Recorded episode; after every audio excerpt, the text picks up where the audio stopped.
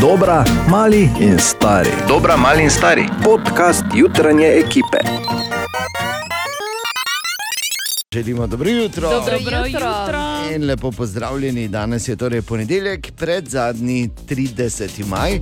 Čez vikend sem uh, imel priložnost govoriti tudi uh, z enim zgodovinarjem in sva debatirala, se veš.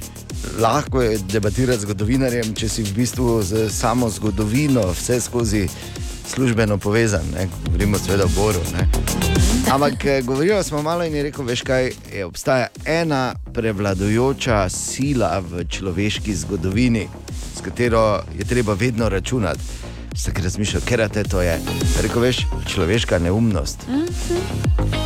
Ta bo skrbela za toliko temeljnih eh, zgodovinskih dogodkov, večinoma za negativne kot pozitivne, uh, kot pa pozitivne v naši zgodovini. Tako da dajmo se zmeniti, kaj če danes ne bi participirali. Težko bo. Pa po mojem pa bo šlo. Pa se, se ne mi, vsi ostali tam zunaj. Ja. Za nas je že prepozno.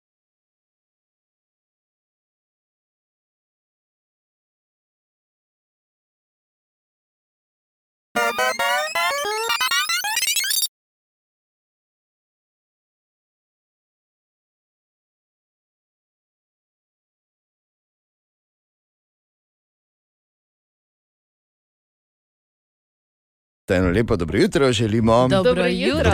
Ja, ponedeljek je in seveda kar takoj vprašanje. To je zdaj zgodba o tem, kdo laže. To je zgodba o tem, kdo je tu nor. To je zgodba o tem, ali je vesolje proti nam ali morda postavljeno na glavo. In to je zgodba o tem, ali smo mi trije, ja, mi trije, Katja, Ana in jaz, res tako malo vredni, da niti osnovne male resnice ne dobimo. Namreč, mi vsi smo živeli v prepričanju, da gre Bor na dopust Ja. in da ga ne bo v službi, recimo danes. Ne? Ampak Bor je tu, Bor, zakaj nam lažeš, zakaj si se nam lago, da greš na dopust? O, glej ga. Torej, lahko samo še enkrat ponoviš ta stavek. Vsi smo bili prepričani, da gre ja. Bor na dopust. Tako vsi smo bili prepričani, da gre Bor na dopust. Vidiš, Bor tudi. In še enkrat več lahko rečemo, čakanje se bo izplačalo. Tu je horoskop za ta teden. Katja, izvoli. Oven, ta teden se boste neustrašno podali novim projektom naproti. Veliko potezno in drzno boste ustrajali pri svojih ciljih, ki vam v prihodnosti prinašajo velike finančne prilive. Na področju odnosov se vam konec tedna obetajo pomembni odgovori. Bik, vznemirjali in jezili vas bodo tisti, ki so neresni in prepočasni. Na področju kariere ne čakajte, ampak pokažite več posluha, predvsem za zadeve, ki bi že morale biti rešene. Ta teden boste dobili pomembne odgovore za življenjska vprašanja. Dvojčka, preveč energije boste izgubljali z razmišljanjem, kaj si drugi mislijo o vas. Vam pa bo nekaj dodatne dobre energije povrnila oseba, ki v resnici razu razume, kaj vas pravzaprav muči. Ujeli boste pomembno priložnost. Rak, zmedeni boste, predvsem kar se tiče točno določene zadeve. Čustva vas lahko malce zmedejo, zato boste za delo ta teden potrebovali nekoliko več energije. Vztrajajte, saj vas že konec tedna čakajo odgovori. Lev, neodločni in vznemirjeni boste, saj nikakor ne dosežete svojih zastavljenih ciljev. Zaradi tega boste do drugih samo všečni, morda celo egoistični. Pogum in samozavest raje izkoristite na družinskem področju. Devica, polni boste dobrih idej in poguma, in ta teden prihaja tudi nekdo z zelo pomembnimi informacijami. Čakajo vas predvsem dobre energije, zato jih dobro izkoristite. Tehnica, preveč pomislekov imate in vedno težje boste to skrivali. Ne sklepajte prehitro, ampak se o svojih dvomih z nekom pogovorite. Spremembe niso nujno slabe, le sprejeti jih morate. Škorpion, naporen delovni teden vas čaka, le ta vam nosi tudi nekaj negotovosti, se pa bo zgodilo nekaj, kar ste pričakovali že nekaj časa nazaj. Strelec, odlično se boste počutili in zato je ta teden odlična priložnost, da pričnete z raziskovanjem tistega, kar vam v tem trenutku v življenju predstavlja največjo uganko. Kozorok, mlaj vam prinaša kar nekaj novih poti in vir kreativne dinamike. Naredili ste ogromen korak naprej in zdaj je čas, da dokažete, da ste pravi za to. Vodnar. Čas je, da ponovno preverite vse podatke in ugotovite, kaj točno ste izpustili. Nehajte razmišljati, da so drugi v svojem delu popolnoma nesposobni. Pozitivna energija vas bo konec tedna usmerila k primarnim ciljem. In pa ribi, ta teden bo vse potekalo dokaj počasi, zato lahko pride do kakšnega zapleta. Čaka vas veliko dela, zato nikar ne obupajte nad nalogami, ki se jim preprosto ne morete izogniti. Veliko Aha. delate, čaka bor, veš. Ja, se to je ta stan, ki človek hoče čuti neko dopust, veliko dela te čaka. A, ok. Lepo, ne? Ja, lepo. Lahko bi bilo slabše. Lahko bi recimo prišel kamorkoli si že nameraval potovati, pa bi ta, pri katerem si rekel, o, kaj ti si že tu. Dobro jutro. Dobro, Dobro jutro. jutro. E, naj, zdaj pa moramo enem. Jaz sem, rekel, kar patološki z mojo, seveda, s priznano medicinsko strokovnostjo ne, in uh, uh, pač tem uh, teoretičnim ozadjem. Ampak to je klasični patološki primer, jaz se upravičujem. In ne vem, če sem bil edini, ki sem to slišal v soboto, Fras in Medvar šovu. Poslušajte do konca mojo raziskavo in potem me zanima, kaj boste rekli. Okay. Namreč nisem mogel verjeti, najprej smisel, ok, ampak glede na to, kakšna sta, pač prideta na to idejo. Ja. Kak pa ti veveričko kličeš? Ne, to je bilo vprašanje. Smisel, pač, pač, poslušajte do konca, no, cela zgodba je grozna. Jaz mislim, ok, to je mogoče veš tisti. One-liner, ne pač kako pa ti veveričko kličeš, je kako je ti, haha, ne, in pač ta frazi medvar vic in gremo dalje. Ne? ti si nor, adijo in to je to. Ampak ne, pol slišim raziskavo med mojimi sodelavkami in sodelavci. Mojca, pardon, da te motim pri delu, samo povej mi, če si bila kdaj v parku ali pa kje zunaj videla veverico, kako si jo klicala. Ali pa recimo, Pozdravljena, Natalija in Tine, slavni moderatorski par, lepo zdrav. O, eh, lepo, Zdravo, kako je fajn, ko naj na ulici prepoznajo. ne? Okay, eh, če sta bila kdaj v parku, pa sta videla uh, veverico, Jaz živim zelo. Aha, Kako jo kličeš?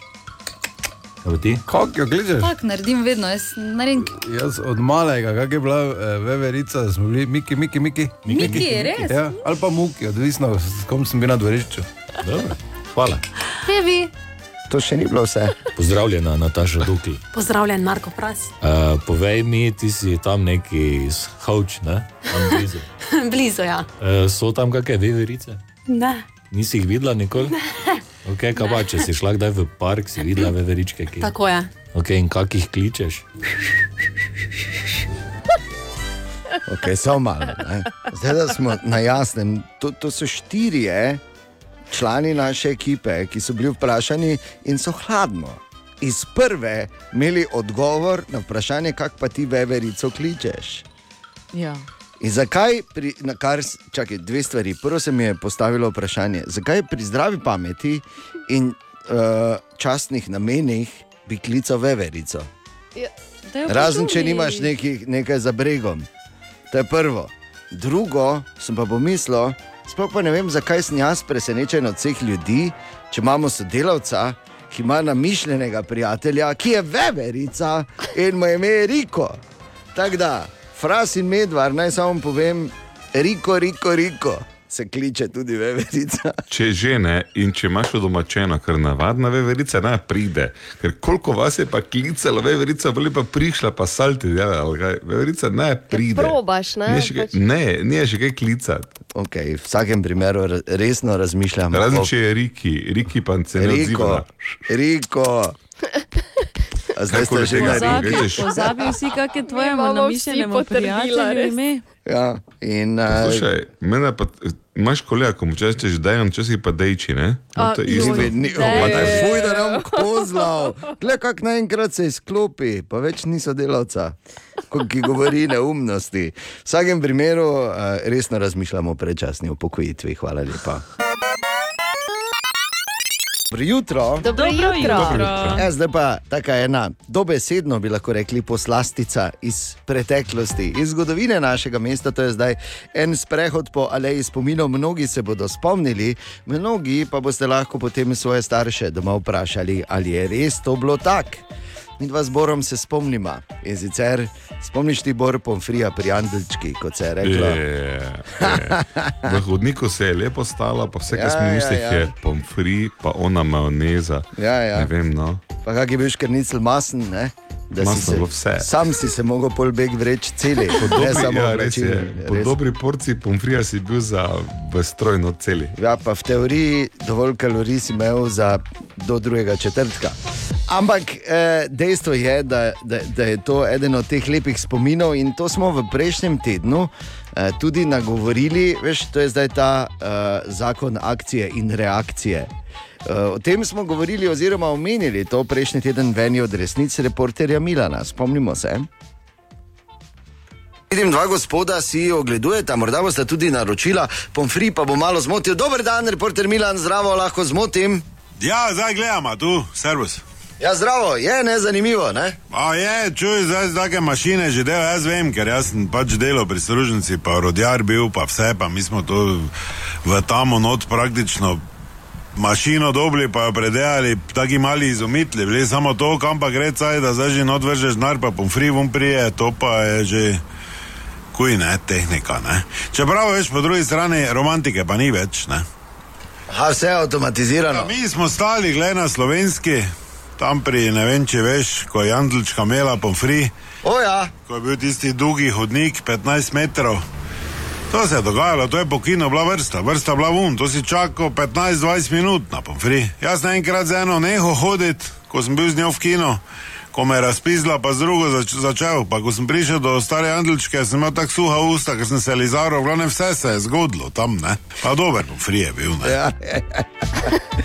res. In potem, verjeli ali ne, je Janilčka poklicala. Ja, dober dan želim. Jaz se upravičujem, da vas nadegujem. Imate dve minuti ali pa tri minute časa, da vam nekaj povem. Absolutno. Jaz sem namreč Jandlčka. Se vi lepo imate, jaz namreč ne živim že 20 let ne v Mariboru, skoraj nič. No, in je bilo pa ena prijateljica, jaz sem v četrtek prišla iz Korčule, tam imam hišo. In se pišem Jandl, jaz sem včasih pomfri krompir imela. In mi je telefonirala, če da zdaj imajo avtomat za krompir in da so rekli, ja prej je Jandlčka imela, se še spomniš. To so bili lepi časi, mu povete, da sem si v pol leta avto kupila in, in imela dosti denarja, danes so drugi časi. in sem, včer, in sem prišla iz Maribora in sem včeraj šla v Kulandijo in sem se prav stavila, ko vidim tisti avtomat in sem se začela rezati, nobenega nikjer, pri meni pa je kakšne vrste so bile, pri meni so bile kolone. Jaz sem tone in tone ne povedala, koliko sem prodala, davčna uprava mi je vrečke štela, veste, kaj so z mano delali. to so bili taki časi, padeš dol, samo jaz sem bila pred njimi vedno pet minut. V življenju sem vas kaj naredila. Mož je študiral v Ljubljani arhitekturo, je bil inženir, je umrl tudi uh, in je videl, kakšne kolone so pri krompiru in potem sem to v Mariboru prva imela in to je bil biznis, padeš dol, ne, tega tak ni več danes. Ja, res ne. Ampak eh, Ja. je pa, seveda, hvala lepa za vse ta pomfri, spajandel. In um, pač, seveda, želimo vse lepo na Korčuli. Eh, je pa res, da hvala lepa tudi za te eh, lepe in nepozabne momente, ko smo tam stali, smo si gledali, ko smo se menili, ko so se eni petelili, enim nam je praviloma bilo nerodno, ne? pa da pol veš, ko si gor dobil. Celo kepo majoneze, nisi vedel, kako bi zdaj od spodaj vun krompir, da ne, bi, da ne bi prvih šest pojedel, pa bi moral iti na črpanje, ne? med drugim, ja. seveda. Ja, lepi spomini. Ko sem danes listal malo po naslovih, sem eh, eno stvar ugotovil, v smislu pa zakaj se nisem jaz tega prej spomnil. Koliko krat ste imeli ta moment že v življenju? Oh, neštetokrat. Ti ne Pri povedati, pomfriju Boris. smo prej ravno enega. Zakaj se ti ja, ja, res je. Pri, uh, v Ameriki, ne? ampak jaz mislim, da bo kmalo to tudi tu.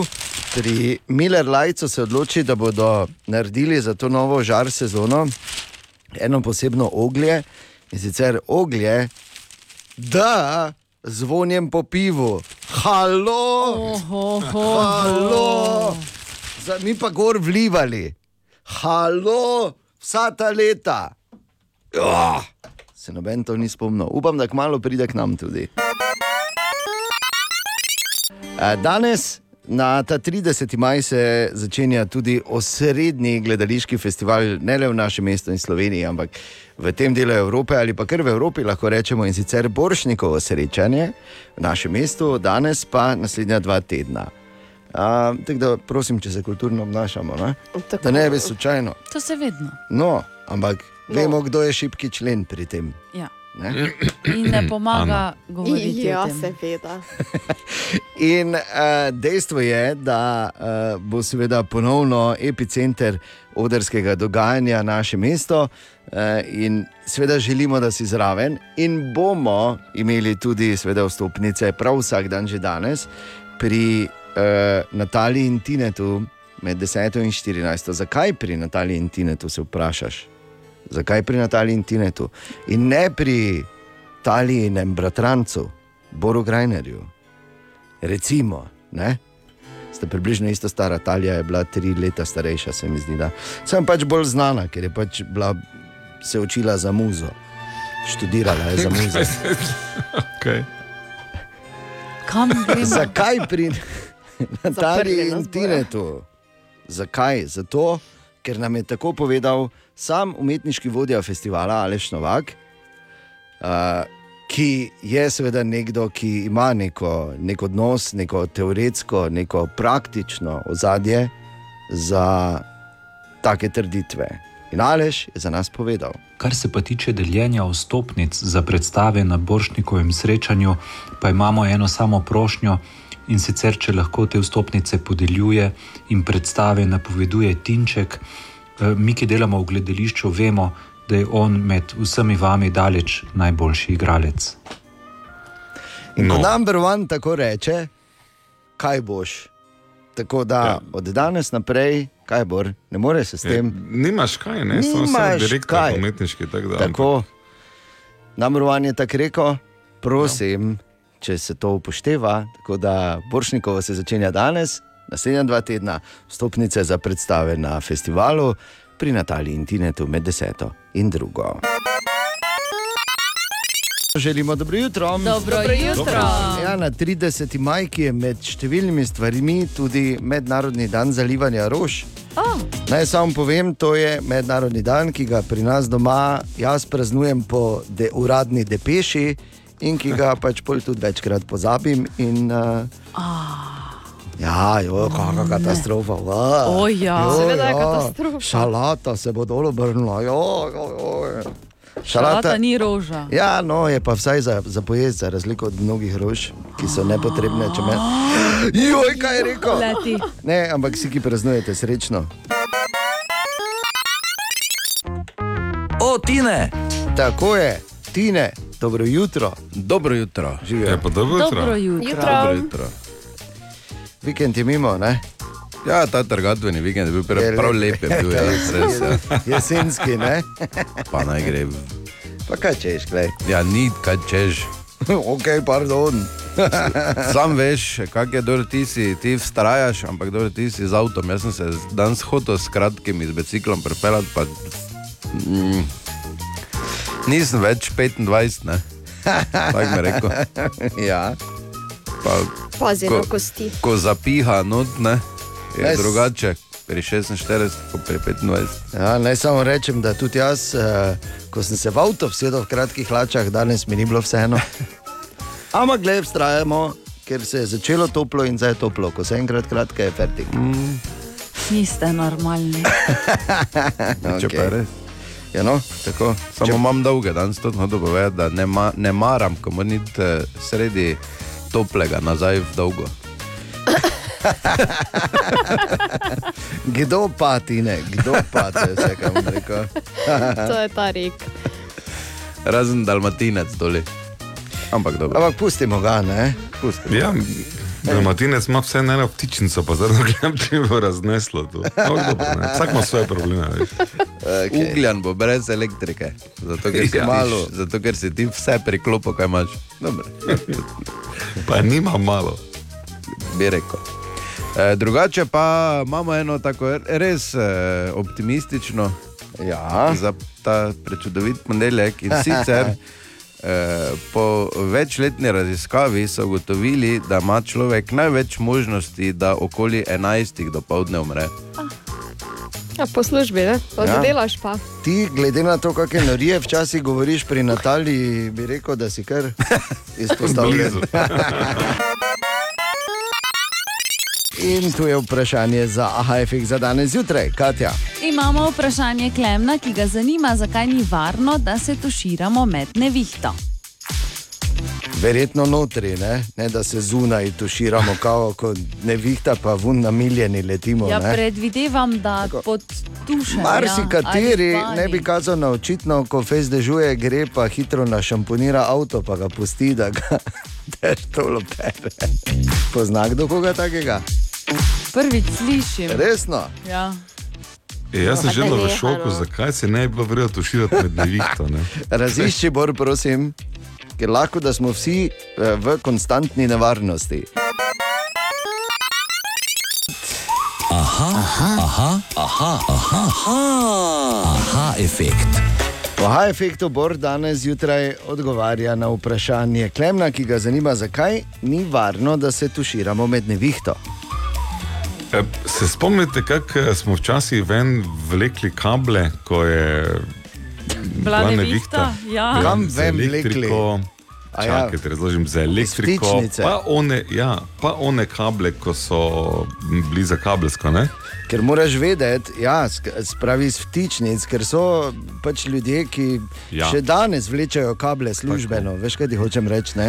ja, ne, to je druga zgodba. Kaj smo mi včasih na PTT-o kable vlekli, pol smo pa nehali. Ne, ne, ne, ne, druga zgodba. Okay. Na bistveno se skoncentriramo. Torej, vlekli smo kable iz elektrike in iz signala za televizijo. Ja. Mogli pa bi v bistvu, zdaj ko tu berem to statistiko, um, Zapirati vodovodno vodo. mreže. Ne, vodovodno mreže bom vtrgal, ker pazi. Ni varno se tuširati ali kopati med nevihto, zato ker eh, ko strela vdari, lahko gladko potuje skozi eh, vodovodni sistem v bajti oziroma v, ja, v, v hiši. In ko si misliš, ok, ne, se se ima zgoditi. 20 odstotkov ljudi, ki jih strela zadene, jih zadene med tem, ko so se tuširali ali kopali. Da ne. To je grozno. Ja. Je pa res. Dobro, se jih ne do zadene, ampak, Ne, ampak 20 mo- od tega pa. Moramo vedeti, da je to bilo eh, seveda veliko bolj pogosto. Včasih ali pa še danes v starejših gradnjah, v novih so cevi plastične, ne več bakrene ali kovinske, oziroma svinčene. in Pa strelo vode imamo, ne? Pa, pa recimo to tudi. Recimo, je, ne, ampak vsak, za vsak primer pa pač počakaj, da čas koruka. ne. Da češ boljše imeti malo, ne biti malo ciknit, ko pa biti hin. Ne? To je ta stara resnica. Ali tudi vi pogosto totavate v temi? Aha efekt, da boste vedeli več. Katja, Ana Boredejan, želimo dobro jutro. Dobro jutro. In mogoče eno samo opozorilo, to se je namreč meni, hvala Bogu, zgodilo pravočasno ta vikend, da se ne bi tebi slučajno zgodilo prepozno, kak vikend ali pa kak torek. Poglej, če še ti pasuž velja. Juja. Vikend je mimo, zdaj je tu ponedeljek, čas, da uh, nehamo, mislim, se spet resnih stvari lotimo, nehamo razmišljati o tem, kako boš tam mozliš svojega sugar daddyja, nehati zlagati Kaj, glavo, kdo? glavo na glavo, grb na Kaj glavo. bomo? Tako dela Da bor, me cel ne bo vikend. Istega mata, ali kaj? Jaz se niti približno ne počutim nagovorjeno, Ne, tako No, glej, res ne. tako. me ne gane. Okay, ampak če za res, uh, prejšnji teden je prišla ta novica in um, malo, mislim, okay, normalno je, da čez vikend morda kdo o tem ni razmišljal, ampak zdaj pa lahko. Sploh če se voziš po našem mestu oziroma v našem mestu, namreč uh, rekli so, da bodo za promet eh, vsaj za večino prometa, zaprli tudi ta legendarni stari most, ki je sicer eh, dosti manj frekventen, ampak je vseeno most. In ga bodo zaprli, in pol bomo imeli v našem mestu praktično dva aktivna, oziroma tri no, mostove, samo ne, Titov, Koroški in pa dvoetažni, ker maličniškega ne štejem, ker tam se vsak na lastno odgovornost pelje, tako je že piral. ne. Ja, samo res. Ja, Pisati, moš pengeš preko. Ja, res je, na lastno odgovornost, tako veliko piše, ne, in pol greš in zapreš oči, jaz vedno na pol mižim, ko se tam prek peljem. Ampak zdaj se o zaprtju starega mostu pogovarjamo in malo smo šli ven, malo vprašali, kaj pa, kaj pa ti meniš no, o tem. Fulor, nimamo avta. To je načeloma niti ni tako sporno, načeloma ima vsa večja mesta, načeloma center, uh, narejen za pešce, tako da vozila parkira, dalje stran pa gre z javnim prevozom. Ja, meni se ne dopade, ne? ker že to, da so koroško zaprli, mi ni všeč, ne? zato ker je že tako ali tako se vse na to stran zdaj preneslo. In se mi zdi, da bo še bolj vse tu tesno ne? eh, z vozili. da Še premalo imamo v bistvu mi teh cest, ne? sigurno mi to ni všeč. Ampak dobro, če bi to rešili, kako se vam zdi širjenje peš cone mesta? Ne, najbolj ne.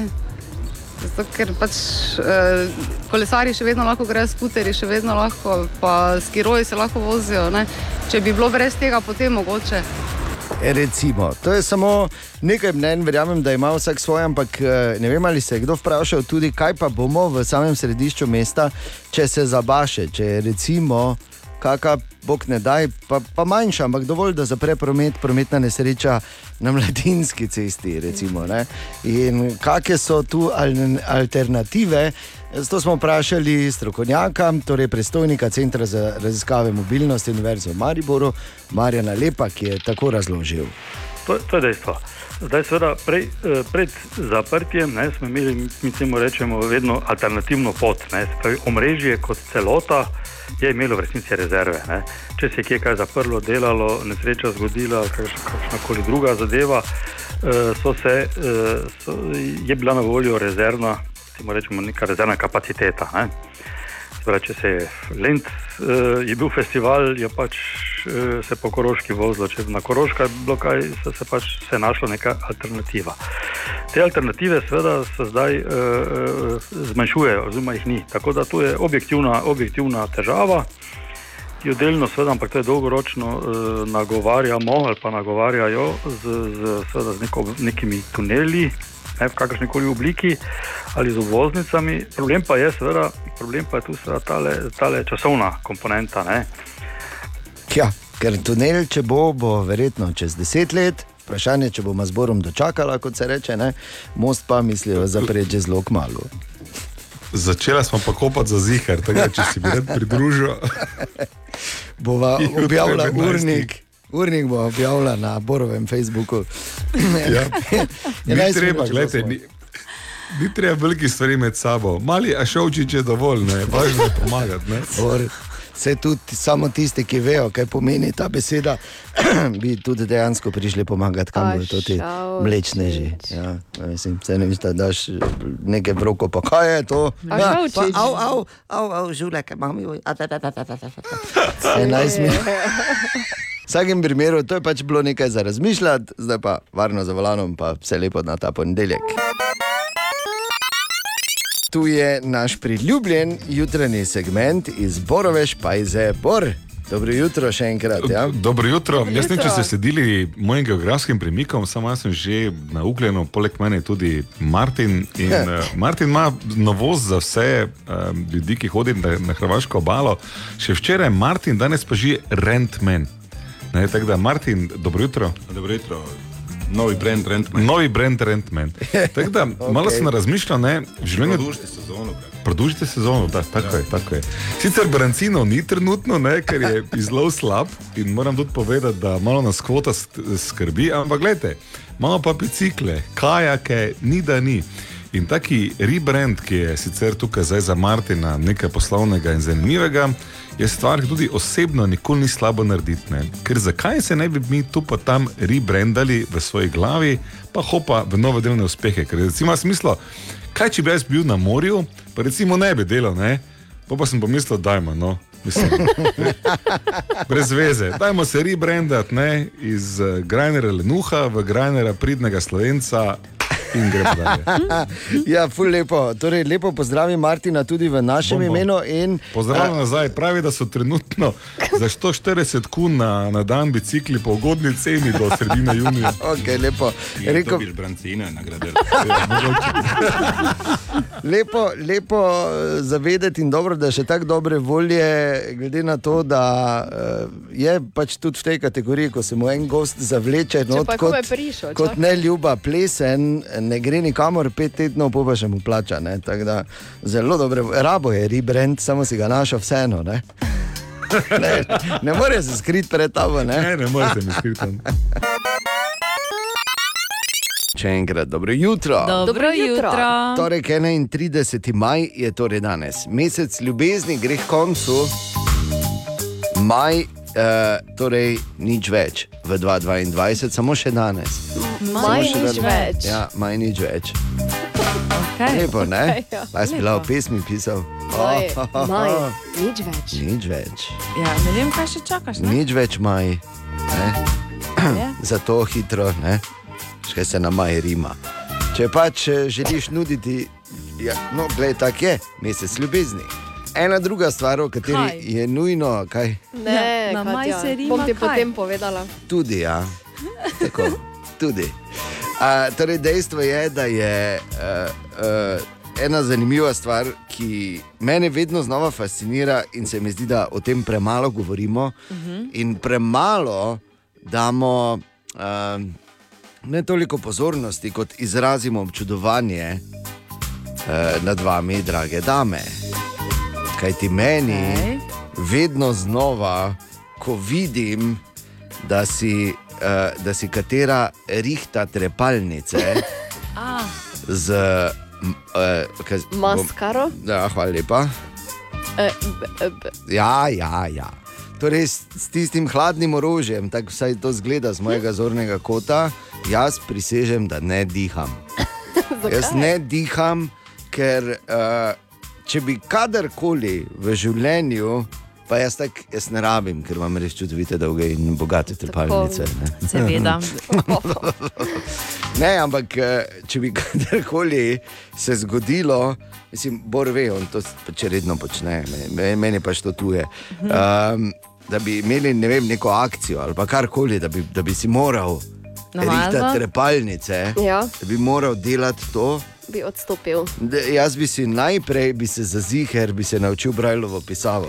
Pa Ker daj, no. definitivno, definitivno bi si iztaknil, vidim, kako mi oke tečejo. Bi Veš, ko grem jaz. mojem. Zato pa ne. Uh, ampak uh, tako da moram še enkrat izraziti, in zagotovo nisem edini tam zunaj, moje globoko spoštovanje in občudovanje, da to počnete in da si nič ne naredite. Pridi, bomo probala zdaj. Ne, ne bomo, No, no, pridi, verjemi, pridi. verjemi, da ne Malo. bomo. Bi pa se še enkrat, torej, uh, res klobuk dol in uh, lahko gremo zdaj dalje. Pa če ne bi to pričo mene delali, ker me vse boli. Au. Web, web, web, web check. Dobro jutro, Katja. Povej. Dobro jutro. Dobro jutro. Jutro. Torej pravijo, da nikoli ni prepozno in eh, Betty Sandison je še en dokaz za to. Pri svojih 84 letih je končno diplomirala. Da nehaj. Iz? Medicinska Življenja. sestra. Da je postala diplomirana. Ja, tako, diplomirana medicinska sestra. Zapustila je študij še isto leto, ko je v bistvu začela študirati zaradi svojega moža. Na to je delala kot medicinska sestra, ampak ne kot višja. Na črno, ne? Ne, Je ne, hodila ne, ne pomagat. kot višja. Ne?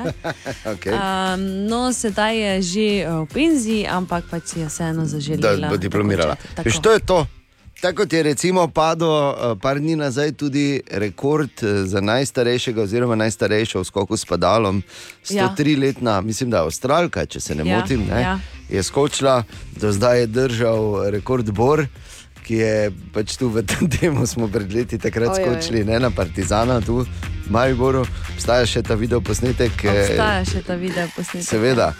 Uh, tako da bor, treba bo stisniti spet. Ne? Ja, zgleda, ne? Kar je dobro, ti lahko greš kadarkoli, v bistvu, pa boš spet imel rekord.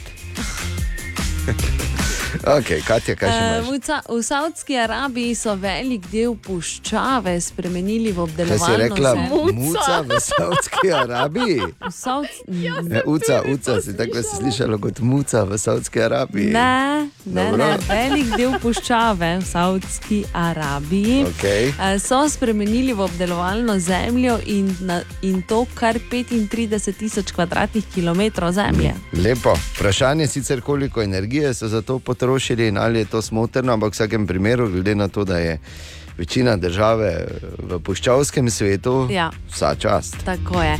In pa Top Gun 2 je že po prvem vikendu najuspešnejši film v karieri Toma Cruza. A, ko govorimo o prvih vikendih, ne, ne smemo pozabiti, ni Tom Cruise, ampak smo rekli kak. Luli Cruise. Luli Krus, tako. Več njegov zdevek, ki ga premalo oglašujejo, le zakaj? Le zakaj? Le zakaj? 26 minut, dobrih 5 minut pred pol sedmo. Webček. Želimo dobro jutro. Dobro jutro. Eh, Naj samo povem eno stvar, zdaj ko je Bor govoril, da se je začela uh, torej trgati češen, ne, oziroma so začeli trgati češnje v novicah. Eh, Sveda so že prve tam zunaj, jasno, da tudi pri nas. In eh, ne samo češnje, tudi jagode. In kak je nefer, ne? Namesto da bi bilo lepo čez celo, se kdo to sprašuje, namesto da bi bilo čez celo leto lepo razporejeno, ali pa vse večino leta, ne. To ti trije tedni ali pa mesec dni, tu se moraš zadaviti na vsem. Ker zdaj je, zdaj je treba jesti. zdaj je, le kakšne jagode so. Je pa, Ne ne zanimaš, ali. Ja, jaz pa že vun spušen od C vitamina, razumeš? Ho- Hočem samo tako povedati, ne, da bo vse, vseeno kmalo, moraš se pa zavedati, kmalo bo prišel mesec, ko več ne bo. Zato zdaj uživaj, ko je in nič ni narobe, če si malo vun spušen. Ne? Ja. To ja. tudi pomeni, da pa če to presežek neke moči in energije. Dobro jutro. Dobro jutro. Dobro jutro. In saga se nadaljuje. E, absolutno ne bomo govorili o Star Warsu, ampak eh, vse skupaj počasi dobiva te skoraj da evske razsežnosti. Govorimo seveda o tekmi, o ženski smočarski tekmi za svetovni pokal, za zlato, govorimo o Zlati lisici. Ki, za katero vemo, da ne bo več v Mariboru, ampak kaj zdaj to vse pomeni, kdo bo zdaj to organiziral, kaj je ena cela kolobocija. Zato smo uh, se pogovarjali s predsednikom ASK Branik, Gregorjem Lednikom in seveda vprašali, Gregor, ali lahko, prosim, poveš, kak imamo zdaj občutek. Pride lisica nazaj v Maribor, še jo bomo kdaj lahko tu gledali ali ne, ker zdaj je vseeno že nekaj preteklo uh, od vseh teh odločitev in tistih uh, odgovorov na prvo žogo. 58-letna tradicija Zlate lisice je, moram reči, da ena izmed najdaljših, oziroma celo- ena najdaljša tradicija svetovnega pokala v, za ženske. In uh, vsekakor je vsem v interesu, tudi Flisu, da se Zlata lisica nadaljuje in da Zlata lisica ostane v Mariboru. Seveda pa moramo sedaj skupaj z mestom pokazati, da smo to sposobni, torej te obljube, ki smo jih že v preteklosti dali, da bomo naredili plan B, da bomo naredili progo B, je sedaj treba realizirati in takrat bomo seveda tudi dosti, dosti lažje zagovarjali zadeve in pa potem tudi uh, pripeljali zlato lisico nazaj. No, kar si seveda vsi želimo, to je meni da jasno, ampak je pa še eno vprašanje, se mi zdi, da, uh, o katerem, s, kat- s katerim se pa nihče zares ali pa vsaj javno ne ukvarja, vsi zdaj govorijo in kažejo in se mi tja in on je bil in on je bil in to bi morali in oni niso to in to bi jim bla bla bla. Ampak kako vse to, vso to dogajanje vplivalo in vpliva na naš smočarski klub in prihodnost mariborske smočarije, torej z Zlato lisico ali brez nje. Govorimo seveda o tekmovalnem, eh, torej klubskem in pa tudi v rekreativnem smislu. Gregor Lednik. Tukaj se bom pa malo v preteklost ozrl, namreč v preteklih dveh letih nas je kar malenko stepla, če temu tako rečem, korona, ko so otroci a, bili, bomo rekli, temu zaprti doma. In tukaj smo, vidno v ASK Braniku in v Smočarski šoli Ilke Štuhec vsak trenutek uporabljali ali pa uporabili takrat uh, poligone in pa sta, uh, vlečnice ali pa tudi suhe treninge, ko smo le to lahko, ko so nam odloki to dovoljevali. V letošnjem letu, torej v pretekli sezoni, se pa je pokazalo, da si ljudje ekstremno želijo smučanja. Namreč tako smučarska šola Ilke Štuhec kot naš tekmovalni šport je uh, bistveno zelo zrasel in tukaj vidimo to, da otroci želijo smučati, starši in pa seveda to uh, skušajo omogočiti, na drugi strani pa je klub tukaj, ki poskrbi za to in uh, da lahko kvalitetno in pa dobro trenirajo. Zato mislim, da je tukaj se za prihodnost ni bati. Je res, da bo verjetno ta korona čas pustil kakšen gap tukaj v kakšnih dveh letih, ampak uh, mislim, da bomo lahko skupaj z temi vrhunskimi tekmovalci, ki jih imamo, in pa z podmladkom, ki prihaja iz smučarske šole Ilke Štuhec, zadeve fenomenalno izpeljali v naslednjih sezonah. Gregor Lednik, predsednik ASK Branik, srečno. Katja, Ana, Borin, Dejan smo tu, želimo dobro jutro. Dobro jutro. Dobro jutro. In med uh, modnimi dodatki za poletje 22 za moške so tudi, pazi, ribiški klobučki. Za moške, Za Ja. ženske tudi in to Tudi. zakaj? Kaj, kaj, ne, ne, ne, kaj je točno ribiški klobuček, samo enega pleta. To, kar je ribiški klobuček, to je. Je si. Taki s kratkimi krajci, Ja. taki gor, ne, veš, in pa not imajo ribiči običajno razne Trnke. trnke, pa to zapičene. Ne. Jaz tega sicer nikoli nisem razumel, tega športa, ampak klobuk dol vsem, ki se s tem ukvarjate, vsaka čas, da imate živce. A, bi pa samo rekel, da za ta modni dodatek, za ta, res, ja, res bravo. A, To je res klobuk za lojze, v bistvu. Ne? Ja, ampak je v bistvu tako, ja, užali se Ja, ribiče. normalno. Res je, lojzi s palcami, pojma nimajo. Ne?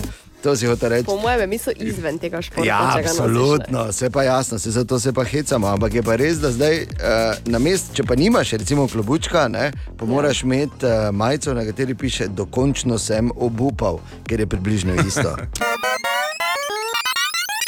A, to pa zdaj zna biti zanimivo. Namreč, najprej seveda dobro jutro. Jutro. Dobro jutro. Dobro dobrodošli. Že pred časom, in zdaj sem zbiral pogum, da končno napoči ta trenutek, danes pa več ni izgovorov. Namreč Katja je eh, spremljala eh, eno, ah, se ni toliko raziskava kot opazovanje realnega stanja. Ne? V bistvu je uh, zakonska svetovalka. To naredila. Ne? Tako, njo sem spremljala Aha, okej. med njenim delovanjem. In ona je v bistvu želela sestaviti lestvico stvari, za katerih se naj, zaradi katerih se najpogosteje ženske pritožujejo, če prav razumem. Ne? In potem ni naredila lestvice, ampak je izpostavila samo eno stvar, ker je bila preveč močna, da bi šla sploh dalje. Oh. Resno, Ja. daj nehaj. Ja. Naj oganem, Joj, kaj če ne bi. ne bom ugibal. To Je... ne upam ugibati. Sem ravno želela vprašati, če upaš. Ja. Ne, ne, brez skrbi, da ne. Torej, Torej, ženske najbolj norijo ob moški pasivnosti. pasivnost. Ne sprašujte, Glej, Katja, kaj pa je, pa pa pa pa Ja, pa Pa, pa, pa, zdaj moraš biti pasiven. Tako, bodi pasiven, zdaj pa bodi. Ne sprašujte, kaj lahko naredite, oziroma pri čem lahko pomagate, Mm. ampak naredite. Samo okay. inicijativno. Tako. Kaj bomo jedli za kosilo, in poveš, kaj bomo jedli za kosilo. Ne, Še boljše, da kar skuhaš. Ne? Gremo. okay, okay. Gremo. Dobro, okay, torej pasivnost. Tako. To je samo Čakaj, ko rečeš norijo, ne, ker moče sem narobe razumel, da se jim meša od veselja, od radosti. Da, Ne, da, ne, radosti. ne, ne, ne, jo, v drugi ne. smeri, ne, popolnoma Ja, drugače. popolnoma drugi v smeri, drugi smeri, da se jim ja. samo meša. Je to tak torek, tako da. Bor? Ja, pogum ne veš, ja, res, ker je ja. daleč. Da, to, To si točno upa. to. Ampak uh, veš, da imamo telefonsko tuje žene, ne? Vidiš, In pa e-mail, tu, ja, pa se pa lahko dobi na e-mail posnetek, jaz pa te ni problema. So pa te leto 2022, mislim, ja, pa halo. Ne, ampak si pa za neke posnetke. zanimivo, pošiljali, res. Smerimo, samo veš, kaj mislim. Ne, pač. Da, zakaj bi zdaj posnetke pošiljali? Res, res je. Ne, ampak brez heca, uh, zelo zanimivo. Vprašanje je, v bistvu, če to, kar vi vidite kot pasivnost, ne, je lahko samo veš, globoko tehtanje težkih in pomembnih dejstev, Mhm. ali pa pač razmišljanje. Ker mi želimo skozi življenje preudarno in ne želimo zdaj, recimo, samo inicijativno iti, pa porezati sivko, zato ker vemo, da bomo jih pol poslušali, da smo naredili ali preveč, ali premalo, ali pa ob absolutno napačnem času, ker se to še ne dela. To sem dal samo en primer. Ja. In zato moramo mi večkrat se usesti, razmišljati, recimo pogledati, kako tekmo. Ja, med Veš, tekmo se vi iti na rekreacijo, ostati po rekreaciji in podebatirati z ostalimi predstavniki istega spola, ne, a, kako pa veš tvoja dejstva v življenju in kako Kdaj boš ti reagiral. reže, Pa ste ne? lahko zelo aktivni, ne? Vse zato, da bi popolnoma in do amena osrečili vas, naše kraljice. Tako da mi smo zaradi vas pasivni. To bi predmet, daj, prosim. Res, daj, gremo. 13 minut čez sedmo. Zanimivo, hvala lepa, Katja, za to informacijo. Malenkost. Lahko da je prav ta, oziroma to, ta informacija, ki bo rešila marsikateri zakon. Upamo. Nikoli ne veš. Samo to še na brzino, preden vam zaupamo aktualne jutranje informacije. Eh, Med prebiranjem naslovov danes eh, lahko človek najde tudi naslov, da so v Gorni Radgoni našli prazgodovinski skelet. Zdaj pa samo to vprašanje, nas mora kaj skrbeti, bor ne. Nas mora kaj skrbeti? Kaj nas mora kaj skrbeti? Bronasta doba, bom rekel, je bila živahna. Kaki pik. A sicer pa, kot radi rečemo, odprtih oči je vedno zdravo iti skozi naše mesto, no vse skozi pa to dela Jaša Lorenčič. Jaša, dobro jutro, servus. Zdravo. Servus. Kaj naredite vi, če imate slab dan? Opcij, variant je seveda več, milijavžent. Ena od njih bi lahko bila ta, da greste malo potarnat. Ono, brez ovinkarjenja. Greš in rečeš prvemu, na katerega nabašeš, da bi se vrgel pod avtobus. Metaforično, brez skrbi, vem, to niso heci, ampak ja, tako ste rekel v petek. Nekomu, ki bi ga označil za nekaj med znancem in prijateljem, da je taka situacija, da bi se vrgel pod avtobus. In veste, kaj mi je ti rekel? Bogi avtobus. Češ, kak so že itak zjahani ti naši busi, folko cile premetava po njih, še one redke, kaj se sploh vozijo z busom, polim boš pa še ti pokvaro dan, ko boš od spodi gor v leto. Daj no. Ok, hvala.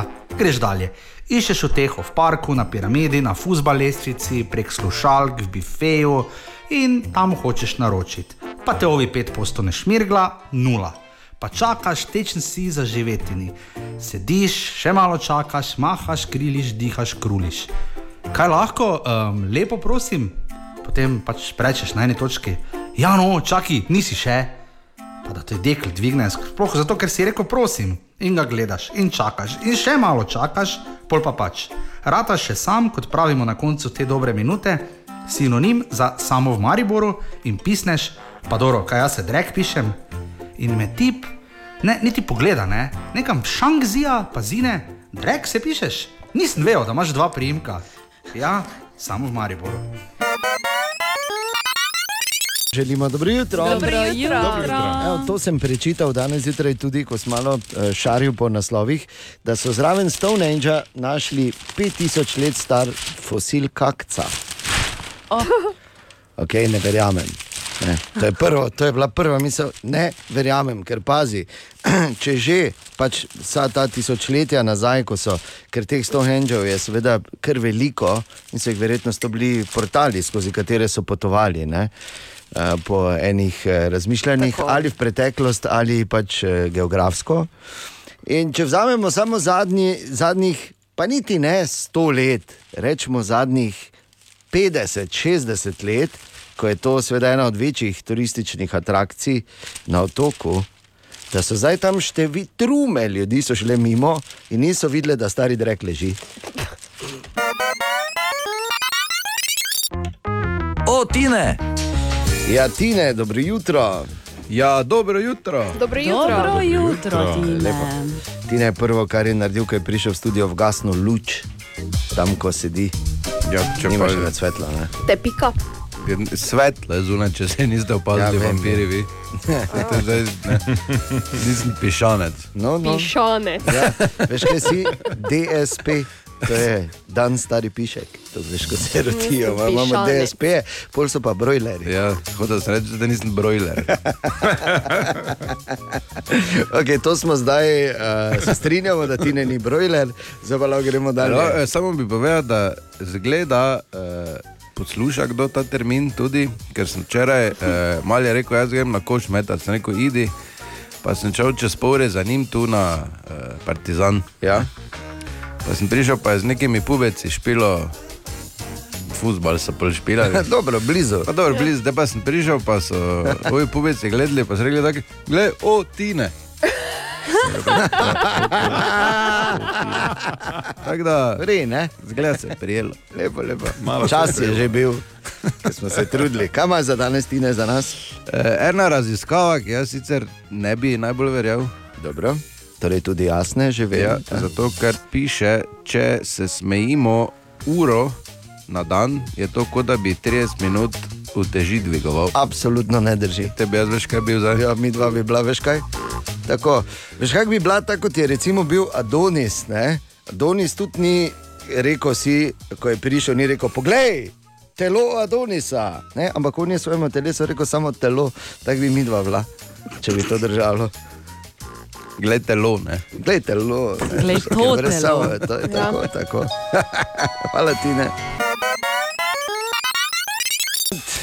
Aha, aha, aha, aha, aha, aha, aha, efekt. No, pa da slišimo zdaj to, ker je baje, tako je sam rekel, bil zraven, ko se je ta nomenklatura podelila. Zakaj se čajni kuhinji reče čajna kuhinja, zanima Vilija? Nisem čisto tako rekel, ne, rekel sem, da sem bil zraven. Ne, tako tak star sem, da ko sem bil mali, so mi že to razložili. A? Ker ne vem, če vi se spomnite, ampak so včasih v blokih bile kuhne izjemno oske in male, praktično neuporabne. In sem dobil, pa kaj, kdo, kiri, arhi, kaj, zakaj? In potem so mi razložili. Nekoč, ko bomo mi šli iz socializma še naprej, v obljubljeno državo in deželo, ne bo noben več doma rabo kuhati, ker bomo vsi imeli skupne kuhne in bomo doma samo še, ne vem, kakšen štrudel naredili mogoče. Sveda, ni se zgodilo, tudi restauracije center več ni, recimo, ja. ampak um, ideja čajne kuhne je v bistvu v tem, da doma ne rabiš dosti za pripravo hrane. Aha. Sicer čajna kuhna ni nujno socialistična ideja čajne kuhne, ampak je danes izraz za vsako malo kuhinjo. S tem, da, ko govorimo o čajni kuhinji, imamo tukaj še bonus vprašanje. Zdravo, štela pri telefone. Ravno včeraj smo imeli sodelavko, sodelavka med debato, zakaj se čajni klobasi reče čajna klobasa, pa čajno pecivo. Tako da, je, tak da če bi bilo možno še to vključiti. Seveda. Seveda bi bilo, to ima pa še manj opraviti z mojim otroštvom in socializmom, ampak preprosto, ko pijemo čaj, radi jemo Klobaso. kekse. Ko pijemo čaj, zraven lepo paže na kruhu. Klobasa. Tako ne, zato pač čajno pecivo in uh, čajna klobasa. Ah. Ker je pač eh, tako je ime iskal, je imel vizijo, ne, da tu zraven pa res moš čaj piti. Zato ne moremo drugače reči kot čajni keksi in čajna klobasa. Ja, okay, zdaj. Ne delite tega v čajni kuhinji, ker samo dva noč stojita. Hvala. Ja. Se pravi, še enkrat čajno, zato ker se uživa ob čaju ali zato ker je namenjeno pripravi čaja. Tako. Ki prihaja Z izjemo iz- čajne kuhinje, ki je samo mala kuhinja. Ja, tako. Pune mala. Evo. Ali tudi vi pogosto totavate v temi? Aha, efekt, da boste vedeli več. Danes je sreda, 1. juni in to je zdaj pri nas tako kot pri sprejemanju nove vlade in novih imen v, v državnem zboru. Ne tega na brzino, hop, tu neki hodijo na dopust, pa imamo. Tanja, dobro jutro. Dobro jutro. Evo, Tanja, Ana, Ano poznamo. Tako, dobro jutro. In pa Katijo Fras. dobro jutro. Moj meden, želimo dobro jutro. Uh, mimo grede, uh, Tanja, moram reči, dosti lepše je tebe videti zjutraj kot Bora. In poslušati. Želimo dobro jutro. Dobro Dobro jutro. jutro. In lepo pozdravljeni. Tako, danes o polnoči se je zaključila velika dobrodelna aukcija, verjetno najbolj željenega. Drugega najbolj zaželenega športnega ali pa nasplošno rekvizita v našem mestu je še vedno Bora, uh, uh, recimo trucam, da bi dal uh, recimo svoje gate ne, na taki. To ni športni rekvizit. Kako vzameš, ne? Kako vzameš, res je. A, ampak eh, ne čisto za res. Imeli smo izjemno priložnost, da ti ponudimo, oziroma vsem vam zunaj ponudimo dres, ki ga je na še zadnji svoj uradni tekmi nosil Marko Stavares v Ljudskem vrtu. In eh, dražba je tekla en teden, skupaj z zavarovalnico Sava smo jo izvajali na naši spletni strani. Hvala lepa, mimo grede za zavarovalnici Sava. In točno o polnoči se je ustavilo pri res visokem znesku, in jasno, ta dražba je bila dobrodelna in pomagali bomo. Mi deklici pri eh, nabavi eh, invalidskega vozička, s katerim se bo lažje gibala eh, v, v vseh pravzaprav zunanjih okoliščinah. In aukcija se je torej danes ob polnoči ali včeraj, kak je prav, Marko? Včeraj ob 23:59. Aha, Tako je okej. bilo, uradno. Se pravi, ker če je 0,000, je že danes. Tako. Včeraj ob 23:59, 59 se je aukcija končala pri znesku 2100 evrov, in zadnji, ki je dražil in tako seveda tudi pokasiral ta dres, je bil dražitelj z nicknameom Bora Bora. Čestitke, prav, Bora Bravo. Bora. Naj samo rečem, Bora Bora, če si ti ta Bora Bora, za katerega mislimo, mi vsi in sklepamo, da si, samo da je res to. Če se, če se je hvalo, jaz bom dal 100 jurjev, pa rešeno. No, skratka, Bora Bora uh, je bil ta, ki je uh, bil najuspešnejši, najodločnejši in bo zavedno imel doma dres, ki bo uh, postal legendaren. In se mi zdi, da je to tudi zelo, zelo dobra investicija. Uh -huh. Tako kot uh, je recimo Fras investiral v Rolex ure, ko še noben ni poznal. Ja, 12 jih imamo ja, tako in je danes. Glej, Veš, ja. ne, pametne odločitve, ampak se veš, nikoli nisi ziger, ampak uh, pri takih tveganih naložbah, ne, kot je bil, ko je pač Rolex začel delati in ga noben je res najemal, uh, pri takem dresu, kot je dres Marko Satavaresa, pa je zadeva uh, bolj ali manj jasna. In Bora, Bora, še enkrat čestitke. 2100 evrov je torej denar, ki smo ga uspeli zbrati. Izvrstno, pa dobro jutro. Dobro jutro. Še enkrat dobro jutro. Dobro Dobro jutro. jutro. In ko sem danes eh, tako luft, eh, luftal, Kaj si si luftal telo zjutraj, veš, ko Aha. vedno se obesim skozi okno spalnice in se malo zluftam. Malo visiš, ne? Lepo. Ne, Sploh lista. za sosede. Ja, ja, o, ja. Oh, se, kaj mi, zakaj so tako drage parcele tam okoli mene? Ker vejo, ne, da je to parcela z dodatkom. Ok, pustimo. Med listanjem po naslovih sem našel, da je danes mednarodni dan družabnih iger. A. Obstajajo slabši mednarodni dnevi, ne? Ja. Mednarodni dan zajcev ali pa No. karkoli že. Uh, ampak eh, mednarodni dan družabnih iger pa me zanima, katera je ta, ki si jo bodi si igral, igrala na zadnje, ali pa jo igraš najraje. Tanja. Kaj zdaj na zadnje ali Ne, najraje? Ok, na zadnje. Na zadnje. Activity Junior. Activity Junior, tako. Lepo, Dobro, ne? ker seveda, dobro, ja. moraš opisovati Marjetico. Ne? Recimo, ja. Ana, Ja, tudi aktiviti, samo um, ne onega. junior, ne. Ne junior, ja. Drunken activity. Ne, da ne, te- ne, ne, ne, ne, ne, a, to pa ne. Marko, Navadnega. Jaz isto, activity. Activity. Pa ne junior. Pa dobro. Activity. Se vidi, da ste še mladi. Je Ja, pa ti, pa šah, ne. Ja, ne tarok. A ja. ja, in to s pubecoma. Pa dobro, glej. A, je pa to recimo ena od teh debat, ki jo lahko štartaš danes zjutraj, tako za v pisarni, pri jutranji kavici čuješ. Si čutil mednarodni dan eh, državnih iger, je, čuješ. Ja, daj človek, ne Ja. jezi se, Daje, ej. gremo. Ali pa activity, ker očitno je to najpopularnejše, kar je tam zunaj. Super. Web, web, web, web check. Zdaj pa za res. Zdaj pa za res. Katijo Fras. Dobro jutro. Webček običajno pripravi Katja, ki je ni, uh, Marko, da ok. Ok, uh, gremo v svet slavnih No? In se čudimo. Uh, Britney Spears je razkrila, zakaj se ni udeležila Med Gale. Pravi, da zato, ker so vražili letenje, zato je bila doma v bani s svojim psom. Okay, tudi če ne bi to razkrila, bi verjetno lahko dalje normalno živeli. Ja, ne? Vem, če kdo opazil, sploh da je ni bilo. Ja, Ljudje ja opazijo. pes je opazil, njen, ker ni bil sam v banji. No. Diplo, svetovno znan DJ, ustanovitelj glasbenega tria Major Lazer, recimo, ja. uh, bi moral igrati na filmskem festivalu v Kanu, ampak so ga pozabili dodati na seznam nastopajočih. Jo. Malo nerodno. Pa vse zmenjeno, v vse. Ja, ja, ja. Sem prišel tam, jaz sem diplo. Pa ga niso noč Ja, pustili. oni nite na seznamu. Sorry. Ja. Okay, uh, Owenu Wilsonu, poznamo, ne? Ja.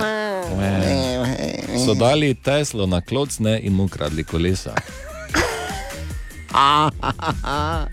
Teslo so mu dali na klucne. Ja. Ja, super. Ena. Le, še, vedno, še vedno boljše Teslo, ne, kot pa ženo. Tudi res. Ena slači punca je zdaj popularna na vseh družbenih omrežjih. Razkrila je namreč, da so jo po pomoti najeli za fantovščino od svojega brata. In komaj, ko je bila popolnoma gola ter eh, plesala pred njim, je ugotovila, za koga gre. Malo mora biti nerodno, potem nedeljsko kosilo. Okay, uh, Ana, ti imaš brata, ne? Ja. Nerodno, ne? Lepo pozdravljam, medtem ko še spi. Nerodno, ne? Goveja župa ne bi bila nikoli več enakega okusa. Verjamem, ja. Uh, Johnny Depp je imel v Londonu koncert, medtem ko čaka na odločitev porote, in je po koncertu prejel stoječe ovacije, kar bi verjetno tudi drugače, ampak zdaj je pač aktualno ne? zaradi te tožbe. In eh, ženska, ki jo spolno privlači Boeing 737. Čakaj, samo malo. Da, To ni, to ni uh, metafora za enega z veliko Ne, butel, ne, ne. buteljko. Dejansko letalo. Pač. Uh, je sporočila, da bi se z njim tudi rada poročila, čeprav je v Nemčiji to prepovedano. S tem modelom leti, kolikrat, kolikokrat lahko, doma pa ima tudi več kot 50 modelov tega letala mm. in uh, ugibate lahko, kako je ime, mislim, kakšno ime je dala svojemu izbrancu. Eh. Max. Uh, Diki. Diki.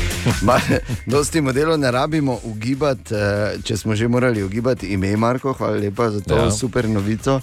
Eh, Ne rabimo ugibati, kaj s temi modeli dela, verjetno. Ne? Uh -huh. Pet minut pred pol sedmo. Webcheck.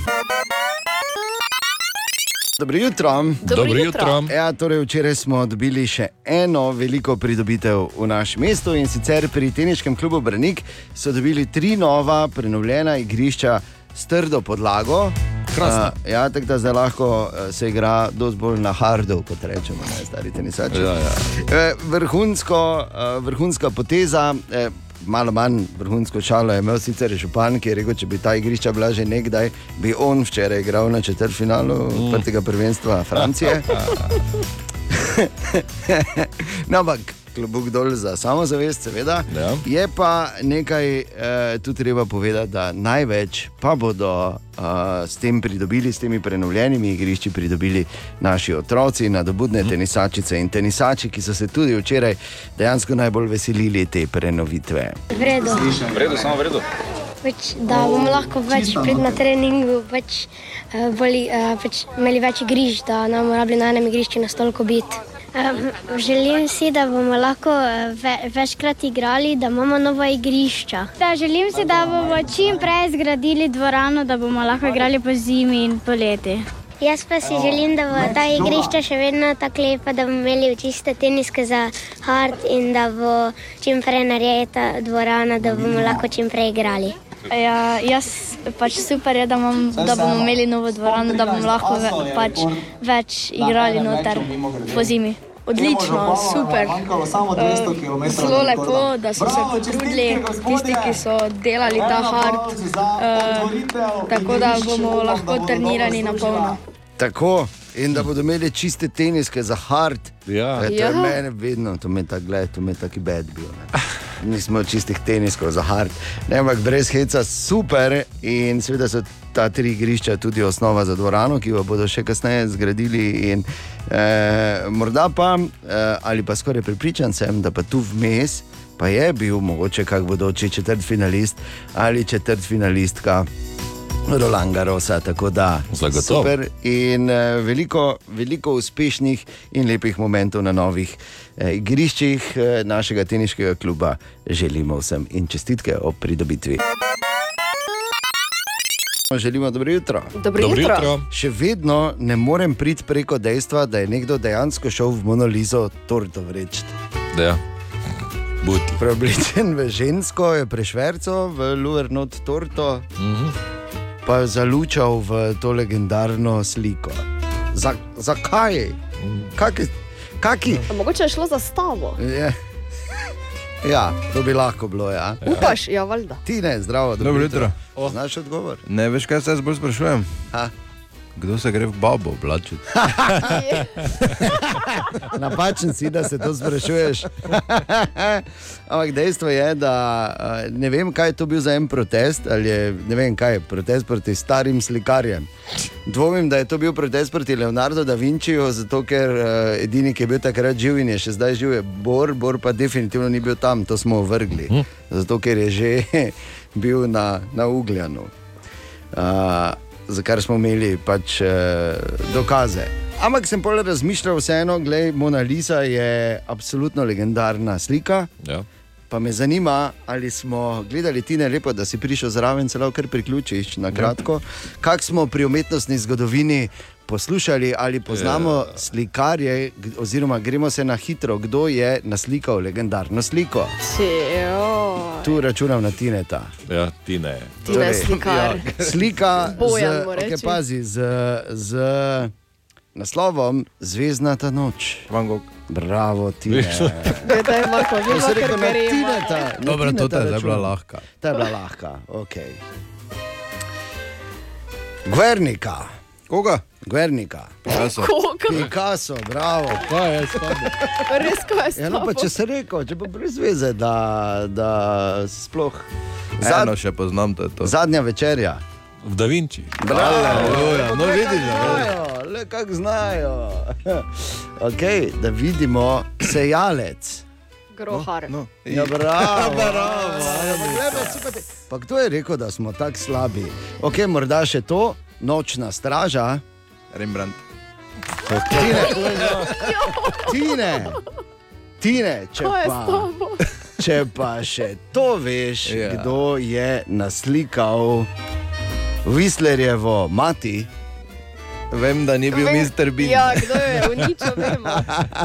ja. Čakaj, kaj, ne pozor. E, Ja, James Abbott McNeil Whistler je naslikal svojo mamo. Nisem vedel celega imena, vedel sem, ampak okay, ja. Še ste pripravljeni na kako, ali imamo, ali Daj, imamo da dovolj? vidim. Eno še da. Če veš, ok, potem pa uh, gremo to, to legendarno še rojstvo Venere. Uh, to je bil pa oni, uh, čeki. Oni. Uh, ni, ni bil čeki, ampak. uh, no, no. Ne, on je bil kipar. Da sem se- Ja, ta je tudi bil, v bistvu vse je delo. Vse je delo? Vse je delo. Ja. Bil Rojstvo Venere, ne, ne, ni bil. Ne. Naj povem, da je bilo to ob koncu 15. stoletja, samo še kot bi namig. te lahko vedel. Ne vem. Ne? Mm. In ni bil, ni bil eden od štirih, uh, uh, torej teh uh, Ninja Mutant Turtles, ne? ampak je bil. Sandro Botticelli. ne? Botticelli, Bernini, to da dva se zamenja. To dva vedno zamenja. Ja, vse to je normalno. Ampak, bravo, se ne veste tako malo. ne. Tako da zdaj vemo, slike poznate, torte tudi verjetno znate peči, ste na seznamu širšem Pa seznamu. babe se osumljencev. oblačimo, to je to. O, Tine! Tine, dobro jutro. Ja, Dobro jutro. Cela O, dobro banda je jutro. tu malo drugačna, ampak kot sem dejal, še vseeno banda. Ne? Imamo Vedno manj las imate v ekipi. eh, dva nova obraza, Tanja in eh, Marko, zdaj tu zjutraj. Ne? Dobro jutro. Dobro jutro. Dobro jutro. Dobro jutro. In Tine, ki smo prej ugotovili, je slučajno prišel mimo, pa zavladal, ne, ko smo govorili o, o poveži legendarno sliko in slikarja. In Tine, ki bo uh, seveda tudi danes navdušil. Ali me zanima, ker vidiš, z Frasom imate eno igro, da ti Fras vedno dodajaš neke živalske. Zanimivosti, ja, ko, se, ko delam zjutraj. Aha, zdaj pa nisi zjutraj, tako da Mislim je na treba. tvojem mestu. Zdaj pa nisem. Tako da, ja, zanima živalskih, zdaj imaš kaj druga. Ja, ker zdaj je on v bistvu Katijo, Fras. Katijo, fraz. Tine, kaj imamo danes, kaj si nam pripravil? E, torej, ne vem, če ste vedeli, ampak v Italiji baje je prepovedano hišo brez bideja zgraditi. Ja. Krasno. Le kaj dajo na čisto ritme. ja, veš, kaj je to? Ja, Vi imate bide doma? Veš, da? Daš nekaj na čisto ritme. Ni pa ne.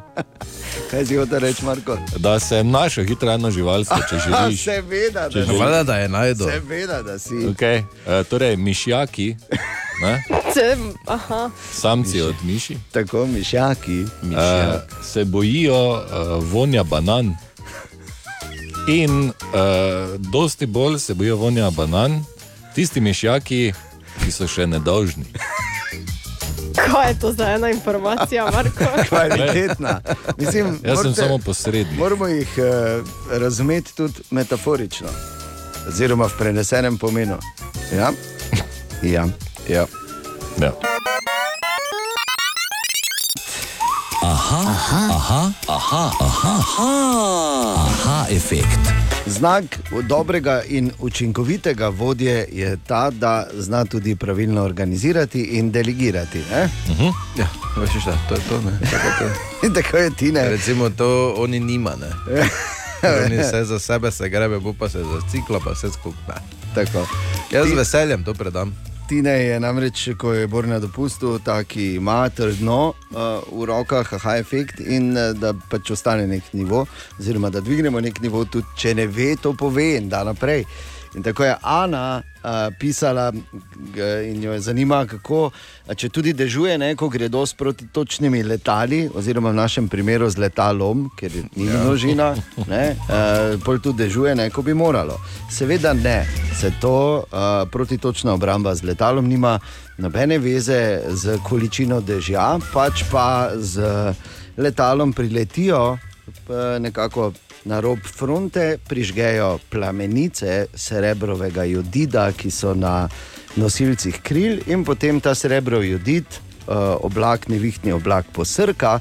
In kaj naredi ta v teoriji? Poskrbi, da se eh, podhlajene kapljice sprimejo delcev srebrovega jodida in tako nastanejo dosti manjša zrna toče, ne nastanejo tiste, eh, tisti veliki kalusarji, ampak eh, drobnejša toča, ki po veliki večini se tudi uh, stopi, preden pade na ta ali pa pač ne naredi tako močne škode. Tako je, torej, tako je to, torej to v teoriji. Jaz bi samo pozoril na moj odgovor, ki je bil popolnoma pravilen in dosti bolj jasen. Ne, ne. Tako, nima veze zdaj če. Ali tudi vi pogosto totavate v temi? Aha efekt, da boste vedeli več.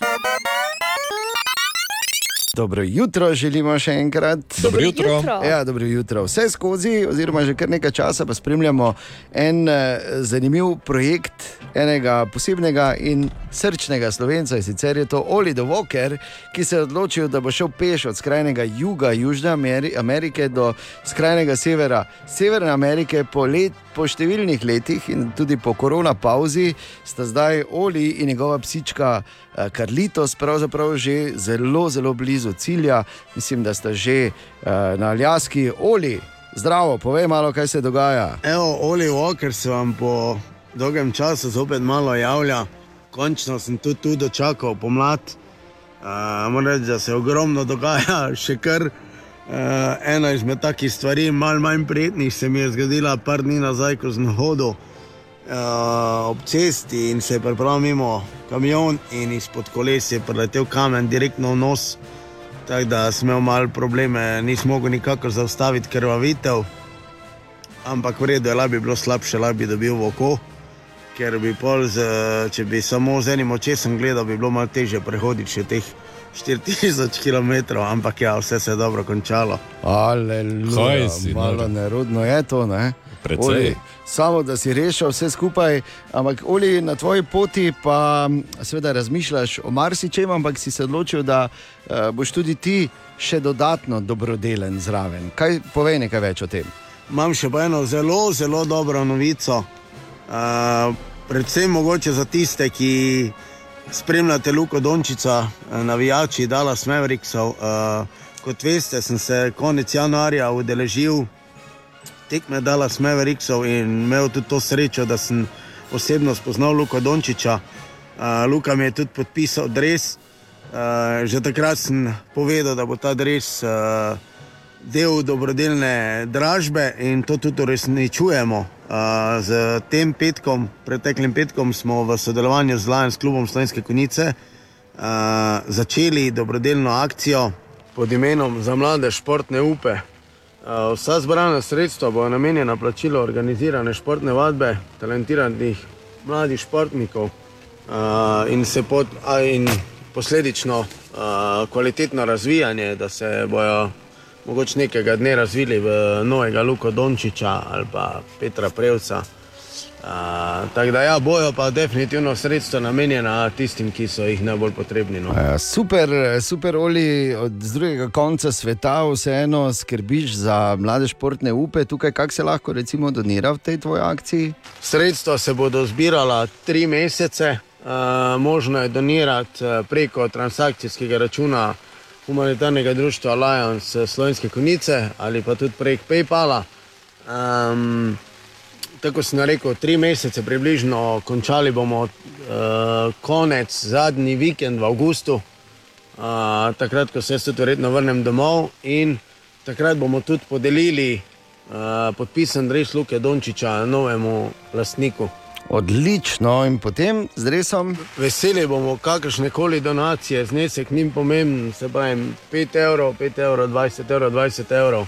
Uh, vsak evro pomeni, to vsi vemo. Uh, je pa tako, da tisti posameznik, posameznica, podjetje, organizacija, ki bo pa v vsem tem tri mesečju uh, doniral največ, lahko donira večkrat, doniral največ uh, sredstev, bo pa, kot že omenjeno, dobil v trajno last podpisan Drež Luke Dončiča, ki sem ga jaz sprejel v, ob obisku tekme v Dallasu. Ok, Oli, hvala za tvoj čas, fajn se meta, vso srečo, skarlitos eh, še naprej, če že zdaj prav 4000 km. To je dosti še. Ja, več kot 1000 km še torej čaka Olija na yeah. mesec, če hoče biti konec avgusta nazaj doma v konicah. Seveda bomo še naprej spremljali, kako mu bo šlo uh, ob tem projektu, ki je zdaj dobil tudi dobrodelno noto. Tanja, Ana, Marko in Dejan, želimo dobro jutro. Dobro jutro. Dobro jutro. Dobro jutro. Danes je torej že 2. juni, oziroma četrtek. In naj samo povem, to je pač eno, en vademekum za ta četrtek ali pa nasplošno za življenje. Zelo dobro moraš eh, človeka v našem mestu poznati, da se lahko brez strahu odzoveš na ps, čuješ. Še enkrat dobro jutro. Dobro Dobro jutro. jutro. Um, uh, takoj, preden sploh nadaljujemo, moramo preveriti, ker vemo, da je naša vinska nogometna reprezentanca uh, šla uh, braniti naslov evropskih prvakov ne, mm. in da se je Evropsko prvenstvo vinskih reprezentanc že začelo, naši so celo dve tekmi že odšpilali in preden lahko sploh gremo dalje. Danilo Štajer, kakšna je situacija? Ja, tako, eh, prvi dan na Evropskem prvenstvu vinarjev vino Euro 22 na Češkem. Smo igrali prvo tekmo z eh, Švico in zmagali 3 nič. Druga tekma je bila pa popoldan z Italijo in eh, lahko zmaga. Bravo. Bravo. Bravo, dve zmagi. Vse Da, drugače, kar harata. Ja, vrhunski so, vrhunski so. Ampak to, da je slovenska vinska reprezentanca premagala švicarsko, mislim. Tu absolutno ne bi smelo sploh biti debate, ja. ali je že kdo kdaj pil švicarsko, švicarski rizling. Recimo, ne. Niti ne. Niso znani. Ne? Če rečeš Švica, pomisliš prve tri asociacije, ne? ura, sir, čokolada, verjetno. Ne? Pol pa naprej švicarska garda, recimo? Ja. potem hadronski pospeševalec eh, in tako dalje. Cern, torej, ne. Pa ko smešno govorijo. Je tako, Vem, živ hudič ne ve, kaj, je, kaj hočejo povedati, eh, v katerem koli od treh uradnih jezikov, ampak eh, noro. Bravo. Tako, bravo naši vinarji, naša vinarska nogometna reprezentanca, torej na dobri poti, da o, o, torej obrani naslov evropskih prvakov. Moramo vedeti, da so tu no tudi tak. Tudi v drugih reprezentancah, bivši nogometaši, ne si predstavljajo, zdaj, da tu neki debelinkoti se kotalijo po igrišču. Ne? To je kar resen futbal. Tako da, eh, zdaj, če že govorimo o nogometu, in uh, smo včeraj to večkrat povedali, in smo veseli, da smo skupaj z zavarovalnico Sava uspeli uspešno zaključiti uh, to licitacijo zadnjega dresa, ki ga je nosil Marko Stavares. In prav je, da nam uh, svoje, svoje opažanja oziroma pač, uh, svoje razmišljanja ob tem povedo tudi pri zavarovalnici Sava oziroma Gregor Lednik. Tako zaključuje s to našo dobrodelno akcijo, s katero smo zbrali več kot 2000 evrov za nov invalidski voziček za Tinko. Zavarovalnici Sava smo izjemno ponosni na to, da nam je uspelo se posloviti od kapetana na drugačen način, torej tudi z posebnim dresom, z posebnim slovesom in verjamem, da nam je uspelo za to humanitarno noto, ki smo jo dali ob dražbi na tem dresu skupaj z Radijem City, z Enka Mariborom in Markosom Tavaresem, pomagati in narediti, pričarati tudi na smeh, na usta prejemnici te donacije oziroma teh sredstev, ki so bila zbrana za sam dres. Tako da evo, iskrene čestitke dražitelju, ki bo imel pri sebi doma prav poseben dres in pa iskrene čestitke prejemnici, ki je bistveno prejela uh, sredstva za nakup novega invalidskih pripomočkov. Evo, super, tako da zdaj pa je to za res eh, zaključeno. In imam tudi jaz vsakič, ko na to se v zadnjih dveh dneh eh, spomnim, en tak topel občutek in zanimivo, ob tem ne pomislim, da bi si naredil špricer z švicarskim šardonejem. ne. So, Če se vrnem k prvi debati. Želimo dobro jutro. Dobro jutro. In eh, ko seveda si zjutraj izbiraš čtivo, ko malo listaš, potem je nujno, oziroma se težko izogneš dejstvu, da prebereš tudi kaj na temo eh, preproste, eh, preprostega, preproste resnice. Da, Da je proces robotizacije, sploh v prehranski industriji, v polnem razmahu. ne. Kaj? Ja, ampak, Proces pač, robotizacije A, okay. prehranske industrije v polnem razmahu. In tu je zdaj mogoče, tu sem naletel, uh, ena zanimiva stvar za pogled. Ker vemo, v našem mestu že imamo uh, tudi avtomat za pomfri. Uh Mhm. -huh. Ne na zadnje, Marko je sam testiral avtomat za pomfri. Ja. In Super je. dober, ne? Ja. U, jaz bi to šla lahko No, potem. pa ni daleč, Ana, od nas, tako da lahko greš. Pa prineseš za vse. Recimo, ne?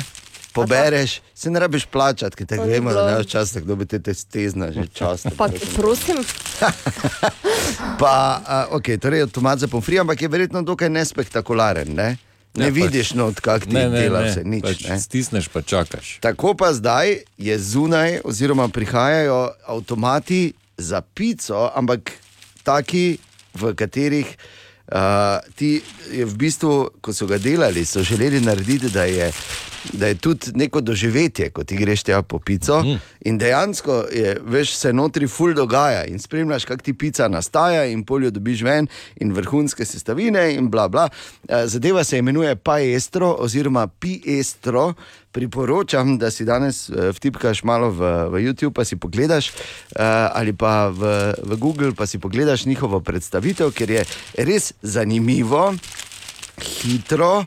Uh, v bistvu ne rabiš, eh, ni odvisno od tega, ali je kelner tečen tisti dan ali ne, ne ali se pico peko da ali ne, vedno je perfektno in uh, zanimiva smer, v katero gre to vse skupaj. No, torej, piestro, samo tako malo, da vemo, ne? ker moramo biti na tekočem, kot sem dejal, proces robotizacije v prehranski Ja, industriji, v polnem razmahu, seveda. Ja. Jasno. Web, web, web, web check. Torej, Marko, oziroma kot smo mu rekli, Katijo, Fras. Ja, je prevzel nekaj Katijinih eh, zadožitev. Ja, in švicam, to je kar zahtevna naloga zjutraj. Torej, webček. Okay, uh, Johnny Depp je zmagal 15 milijonov dolarjev v tožbi proti Amber Heard. Aleluja. Kaj bomo zdaj lahko nehali poslušati, kdo je komu prst vgriznil, kdo se je komu na pojslo Ja. ja. posral, vse te stvari. Verjetno ne, no, oh. ker še bo.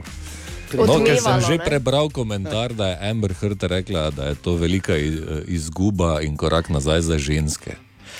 Ah, ja. ok. Uh, tako da bo še verjetno nekaj iz tega. Bi se uh, lahko vprašala, recimo, kaj, ko govorimo o osebnostnem dostojanstvu, uh, na drugi strani ne, je to naredilo še večji korak, verjetno Ja. za oba. Vse je verjetno spola, za sebe mislila, pa sploh ni vedela. Ja.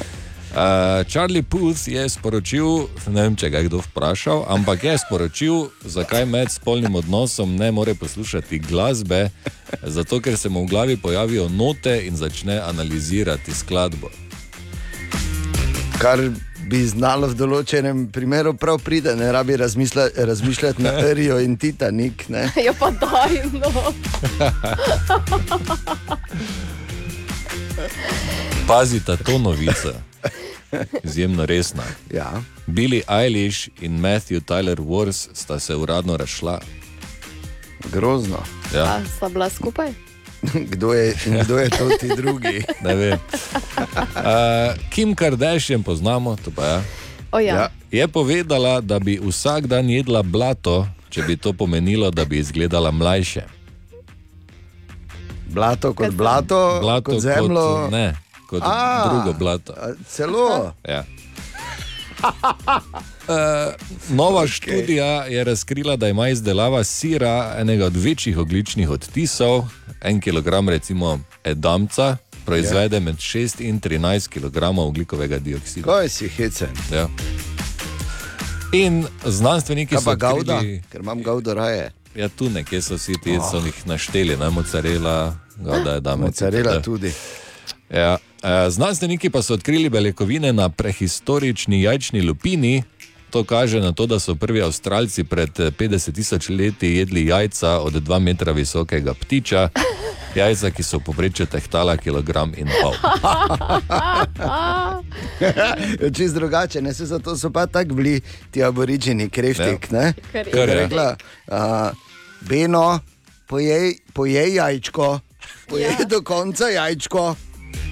Mali Beno, mogo kilo pol veliko jajca, veš kakšna omleta je to. Webček. Tudi danes zjutraj Tanja, Ana, Marko in Dejan želimo dobro jutro. Dobro jutro. Dobro jutro. Dobro jutro. Ja, zdravo. In naj samo povem, da sem zdaj vmes imel mini predavanje na temo procesa uh, Herd uh, Deb, oziroma ta, pač, to veliko medijsko klobaso, ki se je vlekla nekaj Ja. časa že. In Marko Fras ima vse odgovore. Jaz sem brez besed. Nimam vseh Marko mi je vse mi je razložil, on ve vse. In če kogarkoli, karkoli zanima, prosim, danes zjutraj je priložnost, pokličeš na servis 211, Ja. porabiš, eh, povej na radio app, kakorkoli že, nam pišeš, če imaš kakšno vprašanje povezano s procesom med.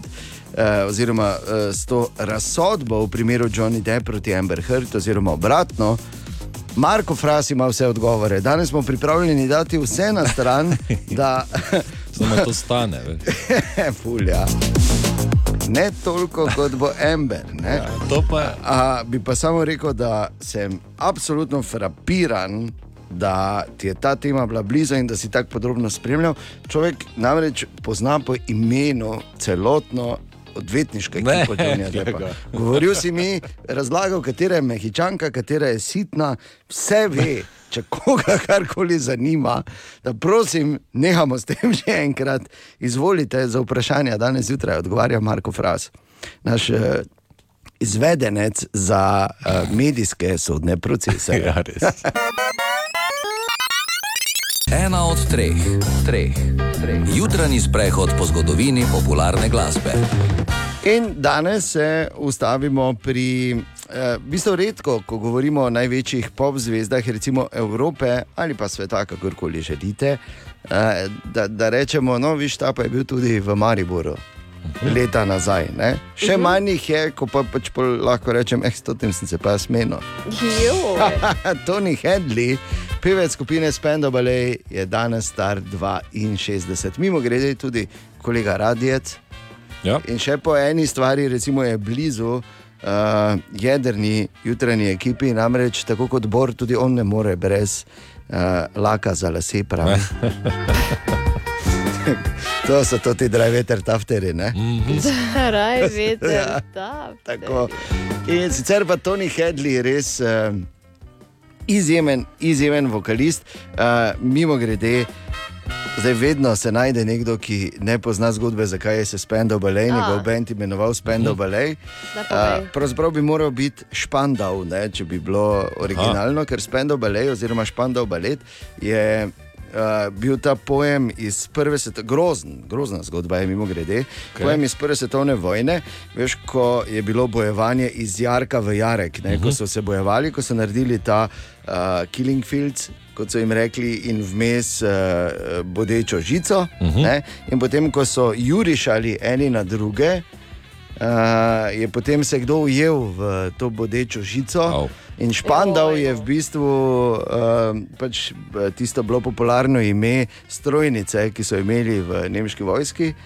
In ko, si, ko je visel nekdo na tisti bodeči žici in so ga streljali, in je se tresel. Kaj je Kaj če bil ne tako bi imenovani bil več te Spandau Ballet. zgodbe, vedno okay, zelo lahko, lahko ampak gre. Fras je rekel, da ne ve. Ja, pa zakaj so si dali tako ime potem? Ja, zato, ker so hoteli opozoriti na te grozote. Ne? Okay. Oziroma, pač, da znajo tudi oni z glasbo pretresti in presuniti. Številne hite, predvsem v 80-ih so imeli hite, kot so denimo bili Go.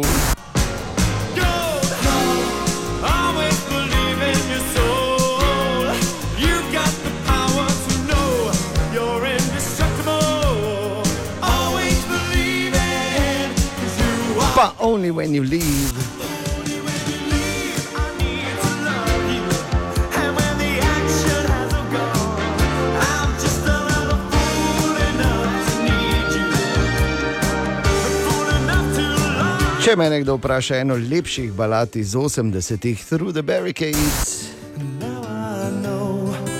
Saying as our sun begins to fade.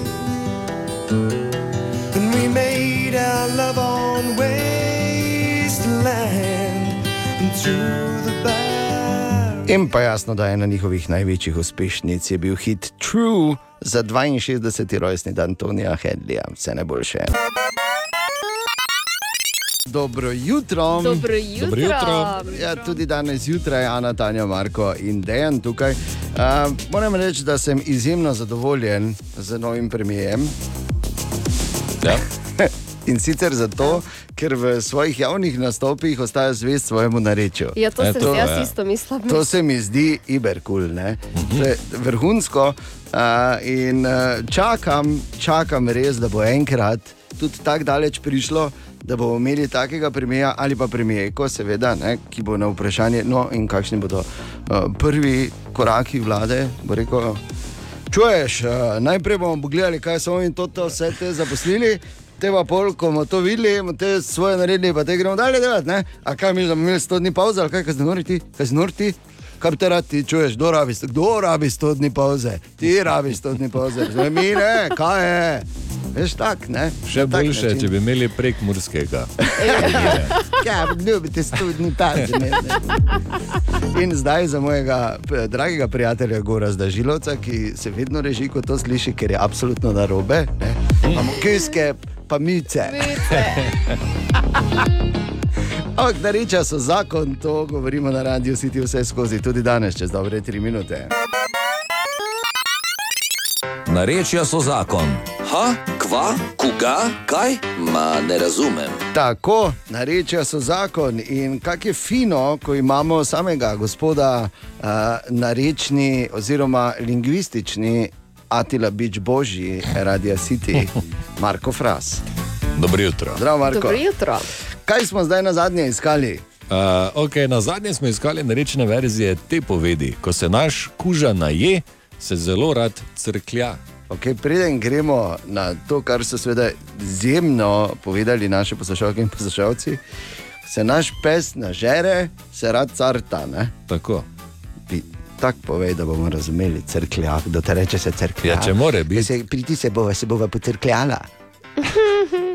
ok, se res je. In kakšne so, uh, kakšne so kaj bile vaše verzije te povedi? Bog daj, jako zubrža tu. Pri nas potem rečemo tako, kdo se naš pes nasune, te se rad crta. Zdaj, jaz sem Janes, prihajam iz Koroške. Ko se na, naše mihnoščene nažre, se pa kralj pride po žuli. Zdravo, sem Lija iz Renkove. Kdaj se naš pes na gej, te se fejs rad cartla. Moje ime je Polona, prihajam iz okolice Žalca. Pri nas rečemo, ko se naš pes naji, se rad crkla. Bog da je Timotej na todi strani ti zgodaninec, pri nas rečemo, kdo se naš pas naji, te se rad sorta. Evo. Super. Timotej zgodeninec, pa jaka zobreža sta kar eh, tako Da, ja. Hvala. Torej, lepo zdrav na obrež in v Godenince. Tako. Glede, kako rečete temu na teznu, Ana, na tezno. Ja, ko se pes nažre, se rad carta. Aha. Vidiš, ta grdo, veš. mala Tako ne razlika rečemo, je med uh, nami ostalimi in med teznom. Ne? NE. Vidiš, manjša kot uh, jo včasih predstavljaš. Ja, res je. Uh, ok, tukaj še tri povedi z Facebooka, če vas zanima. Ja, absolutno. Uh, ko, se nas pes, ko, ko se naš pes napoka, se rad požoka. Pridete malo po žokam. Ja. To se pa že čuje malo bolj, ne? Mhm. Naše. Ko se naš pes najej, se zelo rad žmehla. Pa žmehla. žmehla. Žmehla, bolj ne ne. vem. Ja. Uh, ko se naš pes, pes nažere, se fuli rad potuška. Lepo. Zelo se pa ne rad potuška, ko se naje. Ne? Ja, malo, na, malo. Na kavč se grem potuškat. Okay. V tem tednu pa iščemo narečne izraze za besedo žuželka. Mat, pa to pa je jasno. Ja, Pri nas je vse, kar leze in ne poznaš, pač, eh, kaj to je. Bavc. je Bavc. Bavc, ja. To je bavc. Uh,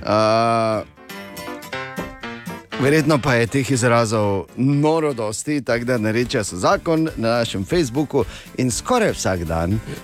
Nisem vas vprašal, ne, po, A ja, kaj pravite točno. vi trije. Oziroma, Samo nismo trije, vid, ja, Tanja, Tanja bomo, tu. bomo jo priklopili. Kaj Tanja. pravite vi trije, šaška, ščava in ščergetec? Ščerget. Okay, vajo bom tako vprašal, katera od vaju bo ščergetec? Ne, To se ti. narobe sliši, kakorkoli. torej, Marko, kaj si nam Eh, rekel? Šaška je kobilica ali žuželka, evo, slučajno sem našel. Ščava je kislica, ščergetec pa je obroček ali kragulček. Tako da, Ti si kragulček. Jaz, ti kragulček. Ja, ki imaš črgeteca, ne? Oziroma, Če boš vedela, če te bo vprašal, kje je tvoj kragulček. Ne, pa ne. No. Ha, koga? Ma ne razumem. Narečja so zakon. Vedno, ko kaj prebereš, obstaja resna možnost, da se kaj novega naučiš. Drži? Drži. Se, tako je. In tu je še en lep dokaz. Jaz sem prebral, namreč naučil sem se novega izraza, uh -huh. verjetno se ga bomo zdaj vsi, in sicer je to izraz fixing. Okay. Veš, poznamo texting, Ja. poznamo sexting, uh -huh. poznamo pa fixing tudi. To? Uh, to, do, tega, do te besede sem prišel, ko sem prebral, da se ameriški predsednik in njegova žena kregata pisno. In to je fixing, se pravi fighting, pa texting, Aha, okej. fixing. Ne, da si pošiljata sporočila, pravita, da zato, da pač eh, od Secret Servisa ne vejo, oziroma ne slišijo, uh, kaj je jabolko spora, oziroma da obstajajo v prvem ameriškem paru nesoglasja. Še- In fulje, sem razmišljal, fulje je težko potem to ugotoviti, ko tako sedita okoli so varnostniki, ona njemu kaže sredinec, on je kak kozla. eh, Ne? Pa kot da ne morejo prebrati, Pa ja, ne, SMS. -e. ja. pa še to. Po mojem se po podu mečejo, ne, ja. ko, ne, ko ona piše, no dobro, se, se ti bom potem upravičil, pa ona njemu nazaj, s čim te stari. O, Tine! Tine, dobro jutro. Dobro Tine. jutro. O, zdravo. Dobro jutro. Jutro. Evo nas, spet smo tu vsi. Kot smo rekli včeraj, malo drugačna banda, ampak vseeno banda. Banda, banda, banda. Banda. Banda. Kaj ugotavljaš danes, Tine? Kaj je?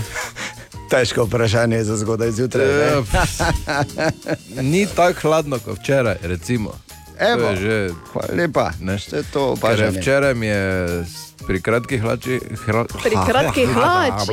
Pri kratkih hlačih. Pri kratkih, pri kratkih hlači mi je not pihalo do, Aha. danes pa ne tako fejst. Oziroma, oziroma nisem tako čutil. Lepo, lepo. Danes je malo pasalo, včeraj je bilo mrzlo. Pa daj, no. Nekaj vseeno tako malo, ko greš ko frišno, ne, kot je tako. Huh. Kar zbudite, ne? Ja, tako. Bolj kot hladna voda po obrazu. Kaj lahko, pa Ko kaj ti po kratkih hlačih gor hladno zapiha, ne, Ja. to je ta ugotovitev. Ja. Evo, vidiš, pa smo prišli do ene ugotovitve, Tine. Kaj imaš danes? Drugače pa, ali kdo ve, kaj je to uh, rojstnodnevni paradoks? Hvala, da ne. Ne. To si ti. Razendejan To je- kaj je ne, dobro, ne poznam. To imaš ti. Ali al ti ali pa Bor. da jih je toliko imel že. Ne, ne, Ja. eh, v sobi, kjer je 23 ljudi, Aha, ja. obstaja 50-50, da imata dva na isti dan rojstni dan, če pa je v sobi 75 ljudi, pa je 99,9 odstotna možnost, da imata dva isti rojstni dan. Ja. Kaki paradoks. Ja. Da Taki. nisi sam in da nisi tako originalen, kot si misliš. Ja, Ja. to je super. Ja, hvala ti ne. Tako da zdaj smo štirje, tu je dost manjša možnost, da ima ta dva isti dan. Aha, aha, aha, aha, aha, aha, aha efekt. V aha efektu Tine, ki odgovarja na vprašanje Nejca, katere so najbolj priljubljene aktivnosti na plaži in na katerem mestu je plavanje. Tine. Ja, tako je zdaj. ne. Jaz sem malo preveril, imaš Si. raziskav ogromno, Ja. pa vsaka je drugačna. Ne? Kot je pri vseh dobrih, Wow. pri vseh znanstvenih raziskavah, imaš različne rezultate. Ne? Tako da eh, na prvem mestu je v vseh raziskavah hoja Hoja, po plaži. hodim naj po plaži. Je pa kaj za mene, kaj Ana, ne Ki sem jaz vzemi, zdaj tu, a? ja, ne vzemi to, kar razlagamo v high-efektu, kot nekaj, kar ti moraš v življenju početi. Okay? Dobro. Hoja, Še eh, dobro. naslednja eh, stvar je po enih raziskavah eh, gledanje, samo oziroma razgled. Pač, mm. Eh, to je po eni, po drugi raziskavi pa je plavanje. Dobro. Pole naslednji eh, sta to ta dva obrnjena na tretjem mestu. Pol pač imamo še surfanje, No, to ni pri nas. Ne? no pač. nekaj. Najbolj priljubljeno. Ne? Eh, je, Tako je, zdaj jaz se niso Mhm. rekli pri nas. Ne, Ampak zanimivo, nikjer pa ni plavanje na prvem mestu. Pla, ne hoja je No, v tako. vseh Pa je sončenje. Ja, sončenje je tam pač nekje na petem mestu. Je, To tako ni zdravo. Ne? Pa branje še je, pa polje igra z žogo, pa tako dalje. La, la, la, la, la. E, Imáš pol tudi one raziskave, ko ne zdaj govoril, ko so bolj za ponoči, ampak to je pač, Ja. Je morda na kateri koli raziskavi samo to, da, da je veš, na, na četrtem mestu pa ksk. Veš, ko je ta zvok. Ksk. ne, niks. Ne. Okay, vprašam. pa. Dremali Ali tudi ne. vi pogosto totavate v temi? Aha efekt, da boste vedeli več. Želimo še enkrat več dobro jutro. Dobro jutro. Ja, dobro jutro. In naj samo povem, da je ena prav posebna, prav posebna obletnica danes. Leta 1953 so Westminsterski opati v Londonu in The Westminster Abbey okronali britansko kraljico Elizabeto II. In to je bil dogodek, ki je bil prav poseben iz večjih zornih kotov. Prvi je ta, ker je to bil prvi televizijski prenos v bistvu kakršne koli take večje prireditve. Wow. Prvi v zgodovini, ne? prvi, prvi so imeli live in to je.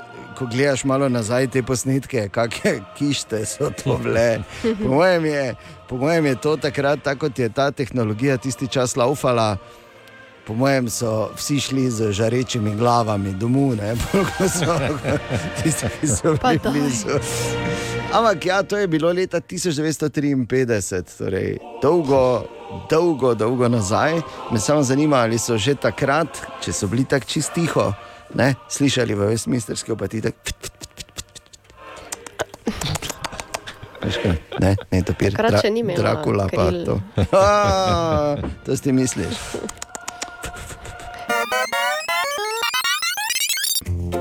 Odprtih oči skozi mesto je seveda zdravo iti, to vedno rečem, uh -huh. da se ne zlamaš, ne, ker ja. pač nimamo vrhunskih pločnikov, vse ne posod. Ampak tudi, da kaj zanimivega vidiš, Jaša Lorenčič. Dobro jutro. Zdravo. Servus. En najboljših občutkov je, ko na Maribor nabašeš kujtak, slučajno. Zdaj, kak slučajno nabašeš na Maribor, pa se poznamo, ono, ko si nekje, kaj te vem, na špilu, morju, cesti, večerji, pa pade ona, ja, ki se pa mi srečamo.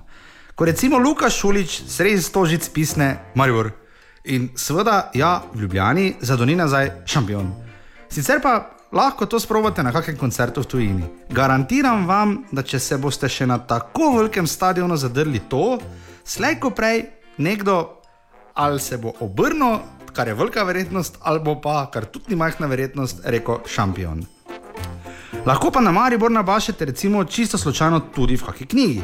V posthumno izdani autobiografiji slavne jugoslovanske igralke Mire Furlan, recimo, top knjiga, baje se prevaja za slovenščino. No, Mira Furlan je med drugim napisala, kako je kot študentka igrala kar na ulici. Z likom, ki si ga je sama zmislila, bosa v svetli hali in senčnikom. Srednjeva, sredi mesta se je ljudem smejala, dotikala njihovih lic ali jim celo snedla kakost obleke, recimo kravato. Ampak Mira je ob tem predvsem spoznavala, kako zelo so si mesta različna. Če so bili, kot je zapisala, da nimo v Beogradu bolj odprti za komunikacijo, so v Mariboru šli kar na drugo stran ceste, da ne bi bilo, tako je ocenila, nič zmotilo njihove rutine. Škoda le, da Mira ni bolj podrobno opisala, kje je šetala, ok, tam v začetku, kaj 70-ih. Ker če kaj imamo, Mariborčani odnegdaj pač res radi svojo rutino. Samo, če bi se pa zadrla Maribor, uf, bi pa gotovo vsi objemali njo in o, to pa bi bila predstava. Ja, samo Maribor. Ja. 50 let kasneje. Je pa res, da je ta trenutek zagotovo ena od eh, glavnih tem v naši državi ta, da imamo novo vlado, uh -huh. ne, da se je zgodilo, da je Janša predal na nek način državo golobu, kot smo slišali tudi v novicah ob devetih. Ja. Veš, kak, bolj tem tu vidiš uh, to razmerje, ne, ko si eni si predajo državo. No, jaz pa recimo lahko, ne vem, tebi, Marko, predam dve pešici nabranih čerešn. Ne? Recimo. Recimo. Ne? Ali pa pol kile sira. Ja. Kar je zagotovo, kar ti ne morem. Um, ne, ne gre v pravo smer. To. Ne bom govoril o STD-ju. Sploh ne med nami. Ja, tako, tako. Ne, hočem samo to povedati, da ne glede na to, da je pač na eni strani ful veliko, zdaj je v tej preslikani, na drugi strani ful malo. Ne gre toliko za dejansko velikost, gre bolj za gesto in iskrenost namenov. Na, katerikoli- na katerem koli nivoju že to je. In če daš iskreno, pa naj bo to država ali pa dve pešici nabranih čerešn, ne, lahko pričakujemo potem tudi, da bo na drugi strani se na nek način pozitivno stvar obrnila. Če pa imaš figo v žepu, ne, pa ti jaz dam dve pešici čerešen, pa noč štiri kamne, To pa obarvane. grdo. A je grdo, ne? Tako da jaz upam, da je to ta prvo. Še enkrat želimo dobro jutro. Dobro jutro. In ni ga lepšega, ne, ko malo. Recimo, jaz takrat uh, atipično štartam teden, da v ponedeljek pečem za kosilo. Oho. Čez vikend vsi, recimo, ne, petek, sobota, to marsikdo nedelja, to so v bistvu poleti tako imenovani žar dnevi, ampak uh, zakaj ne v ponedeljek? Ne? Ko tako zadiši po Ja. hramu od vedlinovih. Ne? Ja, ko nikjer drugje, ja. ko veš, kje v ponedeljek tiši, veš, kdo peče. Ne pač, moraš pač probati narediti uh, veselje tudi na take dneve, ampak moramo pa absolutno opozoriti na eno stvar, ker zdaj je jasno, ta sezona prihaja v polni. polni zamah in zdaj marsikdo, pač, vsak je po svoje grillmajster, vsak po svoje, ima svoje najboljše marinade, ima svoje najboljše one in tiste tretje intrike. Ampak pazi, ogromno ljudi se vsako leto tudi pri nas resno poškoduje ob grillanju. Uh, in sicer to tako, da potrebujejo seveda, tudi strokovno pomoč, ne strokovno pomoč prijateljev, v smislu, da bo hraden pergol, vse da bo. Ne, ampak eh, dejansko bolnišnično oskrbo, vsak drugi ima hude opekline, pogoste so ureznine, to je 30 odstotkov, eh, recimo, ne, tako da če ne bi paradaj zarezali zraven, pa čebule, naj to drugi delajo. Naj to ženska dela. ne? Tako, tako. Padci, recimo 16% vseh poškodb prišlo. Padcev, ja, pač ko veš, ki na vmes- bregu peče. Ne, ampak ko vmes, uh, veš, ko uh, grilaš, pa tam vidiš, aha, pa greš malo še ti pokazati, kako žongliraš, ko zraven ravno fusbal A. špilajo. to je samo. Ampak ja, tudi dosti jih pade in se tako poškoduje. 13 odstotkov vseh nesreč je pri uh, otrocih mlajših od 14 let. Tako da prosim, res previdno. In na kar posebej opozarjajo strokovnjaki, da do največ nesreč, oziroma največkrat do nesreče pride, ko uporabljajo uh, ljudje pospeševalce gorenja. Uf. Ja, torej, ne gor uh, polivati špirita, benzina, alkohola, kajti to potem eksplozivno reagira. Uh, plameni so lahko tudi do meter visoki in imajo nad 1000 stopinj Celzija. Opekline, ki jih lahko dobiš ob takem početju, so običajno globoke in skoraj da praviloma zahtevajo operativne postopke. Tako da, Misliš, da res kdo benzin vliva? Ja, de, o, ja, sem že videl, tako da brez skrbi. Tako da, uh, dajte res paziti, prosim, uh, in ni ga lepšega, kot uh, pač imeti sveže pečeno na žaru, ampak delaj to. Uh, previdno in naj ne bo nesreč. Uh, nisem hotel nobenega prestrašiti danes zjutraj, samo opozoriti, ker fajn je vedeti, da ne boš potem tam, pa ti bodo presajali kožo, izriti na obraz. No, v določenih primerih bi to bila izboljšava, sam sem med njimi. Ne? In jasno, da želimo dobro jutro. Dobro jutro. Ja, in uh, ponovno, ker seveda uh, še vedno, vsaj jaz nisem prišel prav k sebi od uh, tega včerajšnjega katastrofalnega sojenja no, v Stožicah na tekmi med Slovenijo in Švedsko, ki smo jo žal izgubili z dve proti nič. Malo tudi zaradi tega, ker seveda sploh v prvem polčasu številnih priložnosti, pa tudi v drugem, absolutno nismo izkoristili, ampak uh, vseeno eh, bi se tekma lahko obrnila tudi drugače. Tako da, uh, no, na srečo pa recimo naši vinski reprezentanci, ki pa, uh, torej reprezentanci vinarjev, ki brani naslov evropskih prvakov, gre super. Tretjo tekmo v skupini so igrali proti Nemčiji in remizirali z ena proti ena, in to pomeni, da so osvojili prvo mesto v skupini, tako razlaga Dani Štajer. Eh, Težka tekma, naporna, tako kot vedno. Eh, Nemčija, vedno eden od favoritov, poleg Slovenije in eh, vedno tekma s polno emocij. Vse smo v zadnjih eh, evropskih prvenstvih vedno z Nemčijo igrali ali v finalu ali v skupini, vedno ta odločitev o prvaku med Nemci in Slovenci. Eh, tako da zelo težka tekma, ampak važno nam je bilo, da smo prvi v skupini in da imamo nekako relativno lažjega nasprotnika v polfinalu. In to moram vprašati, Danilo. Uh, zdaj, verjetno je logično, če ste reprezentanca vinarjev slovenskih, na kak način se proslavi ta zmaga, oziroma vsaka zmaga, vsak dober rezultat, ali se morda motimo. Tako, tako, mi slavimo vsak dan sproti, ker smo res ena top, top ekipa. Zdaj se peljemo v mesto Mikolov, kjer imamo tudi malo strokovni del, malo izobraževanja, da vidimo, kje je v bistvu tudi strokovno naša pan- panoga, seveda potem malo, malo slavja, tako kot se spodobi. Zdaj pa en lep pozdrav eh, na Radio City in eh, harmonika in malo pesme je naše, našo himno vam zaigramo. Okay. Prvi. Mi Slovenci smo najboljši, ale, ale, ale, ale. Vrhunsko.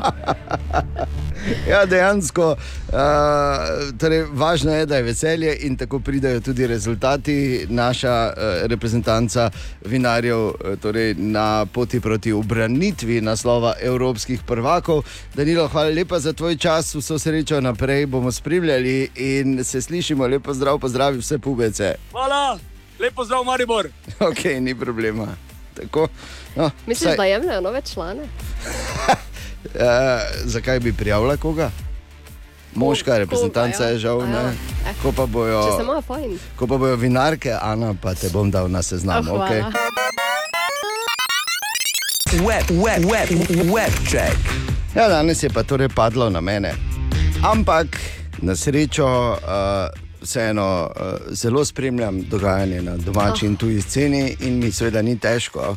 Potem, ko uh, je Katja na dopustu, potem, ko je Marko v pripravah na Freaky Friday, danes med drugo in šesto, lahko povem, da so vse glasnejše govorice, da sta se Šakira in Pike rašla. Ja, grozno. In uh, kako prikladno, vmes je tudi Bor na dopustu, kaj nekaj se dogaja. Včeraj so v Madridu na stadionu Vanda Metropolitano začeli svojo, ne upam reči, zadnjo turnejo The Rolling Stones. Ker da so šli na zadnjo turnejo, govorimo že od uh, druge polovice 90-ih, pa stričeki še vedno ti, ki so še ostali tu, jasno, da še vedno vztrajajo. Nam najbližje bodo 15. julija na Dunaju, na Ernst Happel stadionu. Tako da eh, ne bom rekel, da je še zadnja priložnost, da si jih ogledaš. Verjetno pa ena izmed zadnjih, čeprav poročila iz tega prvega koncerta pravijo, da je bilo res eksplozivno in da so res vrhunski. In da bi verjetno na stara leta vsi rabili točno to, s čimer eh, pač stonce filajo. Ali se To pa pa filajo sami. verjetno, ja, nekateri celo malo prej že. Uh, in pa uh, nov veliki, uh, oh, velika schizma med slovensko popularno sceno in pa slovensko cerkvijo se dogaja. In sicer uh, v Mursko-Soboški škofiji so ogorčeni eh, nad eh, vsebino videospota, ki ga je tam posnela Nika Zorjan. A. Grozno. Uh, Sveda moram reči, da si šel. Hočeš, nočeš pogledati ta videospot, čeprav se mi zdi, da sem zadnji videospot pogledal pred 18 leti.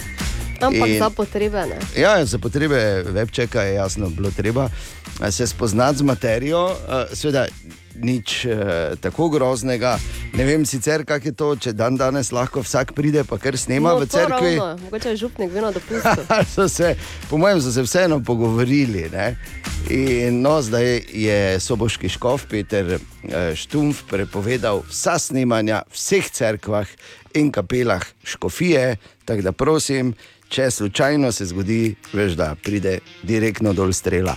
Trenutno je prepovedano, a, v vsakem primeru pa a, seveda me ne bi čudilo, če bi šlo samo in zgolj za dober PR. V vsakem primeru, a, to so nekakšne stvari, ki se dogajajo.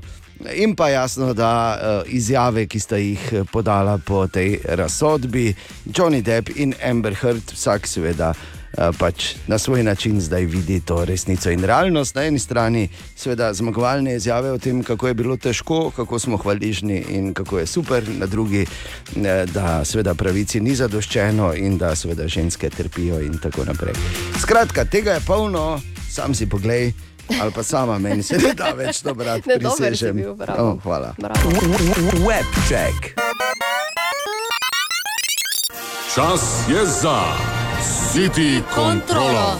Ja, ampak City kontrolo je ene posebne vrste, bi lahko rekli, uh, samovoljno City kontrolo na nek način. Uh, dejstvo je, da vse pri nas je tako, kdo gre prvi, kam mora javiti drugim, kako je. Ne? To, to je ta stara resnica. Prvi Normalno. gre dol, pa pove, kak je. Ampak uh, Bor se je odločil, ker je bil prvi, ki je je šel. tako, in je rekel, nič, čeprav imam jaz dopust, bom uh, vsem povedal, kaj jih čaka danes, oziroma leto danes. Danes. Letu bi bilo slabo. 2022 na morju. No, Bor, da te slišimo. Dalmacija. Čeprav za zgodovinarje ni dvoma, bi se našel kak strokovnjak, ki prebivalcem otoka Pak oporeka, da so dalmatinci. Uradno so, tako kot prebivalci Dubrovnika, pa vseh otokov in krajev mes dalmatinci. Ampak dalmatinci, ki jih boste slišali o mojih današnjih prizadevanjih, da vam približam unikaten občutek Dalmacije, pa so iz Ugljana, otoka nasproti Zadra. Torej, kako se Dalmatincu najbolj varno približati? Če na otoku ne boste zgrešili z vprašanjem o paradižnikih. Voda, ki jo ta sadež popije, je itak večni problem, pa potem sorte in načini vezanja, vse to je izvrsten pogovorni icebreaker. Hej, Dragan, kak so paradižniki letos? A, vidit ćemo izgleda će biti nešto veće. Bo nekak, pravi. Jaz pa ga že napadem z drugim vprašanjem, če igra briškulo. Igramo, kako ne. Nisam davno igra. Slab sam igrač za briškulu, trišetu. Meni Marija voli igrati, a, a meni se ne da to puno igrati. Briškula i trišeta je italijanska igra in sedeče dobre pol minute je avtentičen posnetek te kvartopirske vojne v senci dreves tik ob obali. Male. Male. Male. Skoro tri. Lume, sve regule, roš. Dvoaša sam dobil. Plus. Brišku, le. Iš miš, kiš bušti ovo. Ovo je kiće manje. Kifamenu. Dalje voli. Dalje. Dalje. I? Točan. Došao. Bez. Bez. Obuć.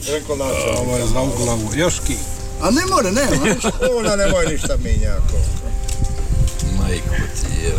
Traje, suvara ko strava. Jebe, majko. Nećete mi tako, ha? Koliko se minja? Tri sa pol. Naš para, Ej. I vamo došao suhi kraj. Ej. majko svoju. Krolj, je pobigla. Ej. Magla. Krolj je pobigla. Okay. Ja, res ok. To je isto kot uh, povsod, ne, tako pri nas poslušaš, ko šnup špilajo ali pa ta rok ali pa kakorkoli. Ok, Bor. Um, kot kaže, bomo teh prispevkov danes zjutraj imeli še kar nekaj, ko pač uh, Bor nekako razkriva, kaj nas čaka, če seveda potujemo letos uh, na morje, ravno tja v Dalmacijo. Citi kontrola, uh, samovoljna citi kontrola, ugljan. Ja. Tanja, Ana in Dejan, želimo dobro jutro. Dobro jutro. Dobro jutro. Ja, dobro jutro. 3. juni, petek. Uh, jaz upam, da začetek nepozabnega vikenda uh, za marsikoga, dodal pa bi samo, da je lahko to tudi jutro britkih spoznanj. Jaz sem danes zjutraj eno tako doživel. Ja. Britko spoznanje, da ko sem prebiral en članek, sem tako odložil in se rekel, ja, nikoli ne bom prepeval na Eurosongu. Želimo dobro jutro. Dobro jutro. A, in uh, morda en, en, en, en kratek sprehod po aleji spominov. Uh, imel sem en taki, mm, zdaj en preblisk, uh Mhm. -huh. je, zdaj, je, je pa ni nujno dobro. Okay. Uh, ampak uh, spomnil sem se, v bistvu, ker danes je petek, 3. juni. Ja. In ko smo začeli z radijsko dejavnostjo, z Radijem City, sredi 90-ih, ne, je eh, bilo tako, en, enkrat, ker takrat je bilo drugače. Eh, Veter nisi mogel reči glih vse, kar bi si izmislil, kar danes žal postaja vse bolj realnost.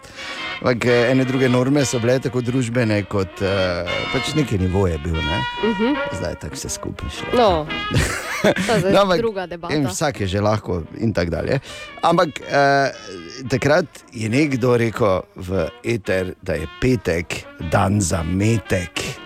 Ta, veš, taka, dan danes gre na kozlanje, že ko to čuješ, ampak tam v 90-ih pa je to bilo, veš, kako progresivno. Veš, kako progresivno, ah, kaj so rekli, kaj ste nor.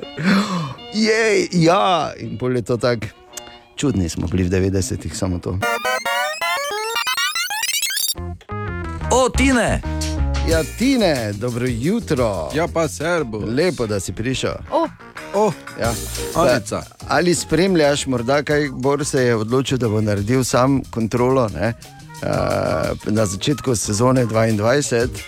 Uh, bil sem v kopalnici, pa je radio špilal, pa sem slišal Bora govoriti, pa ne vem, kako to zgleda, imam neki več refleks, ko gi izklopim. okay. No, skratka, zaenkrat Patrulira po- patrulira po Ugljanu. Ugljanu. tako. E, Zaenkrat je ugotovitev ta, da ostaja vse na nivoju izpred recimo leta dni ali dveh. Ali po 30. cenah. Aha, Bomo videli, kako bo naslednje leto, ko bomo recimo plačevali v evrih dolje. Ne? To je glih včeraj, je, je, smo imeli tu z Natalijo, pa smo imeli novice, da je kao zelena luč. Mm, za evro. Ne vem, kdo je ja, za evro. Pa sem prej rekel, da sem v bistvu zelo vesel, da samo še eno leto je šlo, no, čakaj, koliko je zdaj to? Ne, ne, 120 sekund, ne, čakaj, malo, je- Deliš za sedem, Ja, jaz ne, za ko priješ samo ni prav prvič v trgovino, pa ti on reče 1400 kum, pa te pr prvič tako kabza, da si veš, čakaj, malo, koliko je 1400, kaj si bleza, te opol v bistvu vidiš, da to ni toliko. In ne. kje je živa telica? ne? To toliko dal. Eh, To ob enem pa sem tudi zaželel obilo eh, sreče, ker vemo, kaj pač. Da se cene zvišajo, ne hočeš. Kar nočeš. seveda tudi ni dobro za nas, ker ko pa prišel pol drugo Ja. leto na Ožesko, pa tudi. ne. bo težava. Ne? Bi pa samo rekel to, da samo zato, da, da dvigneš cene, še ne pomeni, da boste imeli višji, višji standard. To, je, to pa je druga stvar. Ja. ja. okay, Tine, kaj imaš za danes? E, Eno petkovo, pa eno živalsko skup. Da ne. Oh. Če že ne. o, Ja, ker tako že vem, kaj bo Uh, sivi tematika. O, Jezus. Sivi kit. Sivi kit, ne vem, če ste vedeli, ampak pogosto seksajo v troje. Res sivi kiti. Ja. Tako da to, kot ti nekdo reče, ne, ki si sivec. Ne? Recimo, bolj pohvali, kot bolj pohvaljen, kot si misliš. Zdaj, kako je razmerje, ne? Dva, Dobro. ena, ena, dva, mislim, kdo koga. Ja, ampak, Nimaš te raziskave? Ja, ne, dalje niso šli. Aha, okay. Ampak že to ne. Jaz bi rekel, da sta dva kita. Pa, Jaz pa bi si želel, da bi bil en kit. Tako, ker je šel prvi dol, mora prvi poročati, da vemo, kaj nas čaka. Torej, začetek nove poletne sezone je tu in kako je v severni Dalmaciji opisuje, bomo rekli, na pol poetično, Bor Hemingway, Grajner. Bor. V Dalmaciji, biseru hrvaškega turizma, uspevajo olive in smokve. Pustimo zdaj dolino Neretve po strani in recimo, da nič ni za dalmatinski turizem v kateri koli od treh regij. Severna je, južna in srednja in Zagorje, na katere se Dalmacija deli, ampak nič ni tako pomembno kot vinska trta. Če imate radi belo, iščete pošip, če imate radi rdečo, pa plavac, ne? Pazite, najboljše vina Dalmacije praviloma prihajajo iz Pelješca, ki ima zanimiv način poimenovanja vin. Posod na Hrvaškem se, podobno kot v Sloveniji, vino imenuje po sorti grozdja. Ampak Dingač, Postup ali Žuljana so lege na istem otoku na Pelješcu in zelo pogosto isti vinar ima pod etiketo Dingač izjemno vino, pod etiketo Plavac ali Plavac mali pa vino slabše kakovosti. Pa bolje vino je za mene plavac. Zašto? Pa zato jer je nekako pitkije, možda je malo blaže nego Dingač malo jači, tako da je za mene plavac. A sezona isto dobra kao plavac, to jest evo nadamo se da će biti e, dobra, bolja nego prošle godine, a vjerujemo čak e, bolja i od 2019. godine. Tako pojasnjuje župan Preka, bolj natančno občinski načelnik Jure Brižič, ker gradonačelnike imajo samo mesta na Hrvaškem. Še to, ne da vasica Preko, ki ima okoli 3000 prebivalcev, nima slavnih osebnosti. V bližnji Poljani je sicer rojen bioenergetik Zdenko Domančič, poznavalci jugoslovanske zgodovine pa boste veseli dejstva, da prav tu v Preku živi Budimir Lončar, ki bo imel kmalu stolet. Izjemnega prvega kariernega diplomata Jugoslavije sem videl, ko so ga pripeljali v lokalno gostilno Vale pred časom gledati hrvaške nogometaše. Ne prideš mu blizu, ker je znamenitost, ki ve preveč o pravih razlogih za razpad Jugoslavije. Zelo zanimivo, Bor. Ne vem, Gremo ali, vsi na ugljen. ali, ne, ampak ali je zdaj na koncu res opisoval lončarja ali sebe.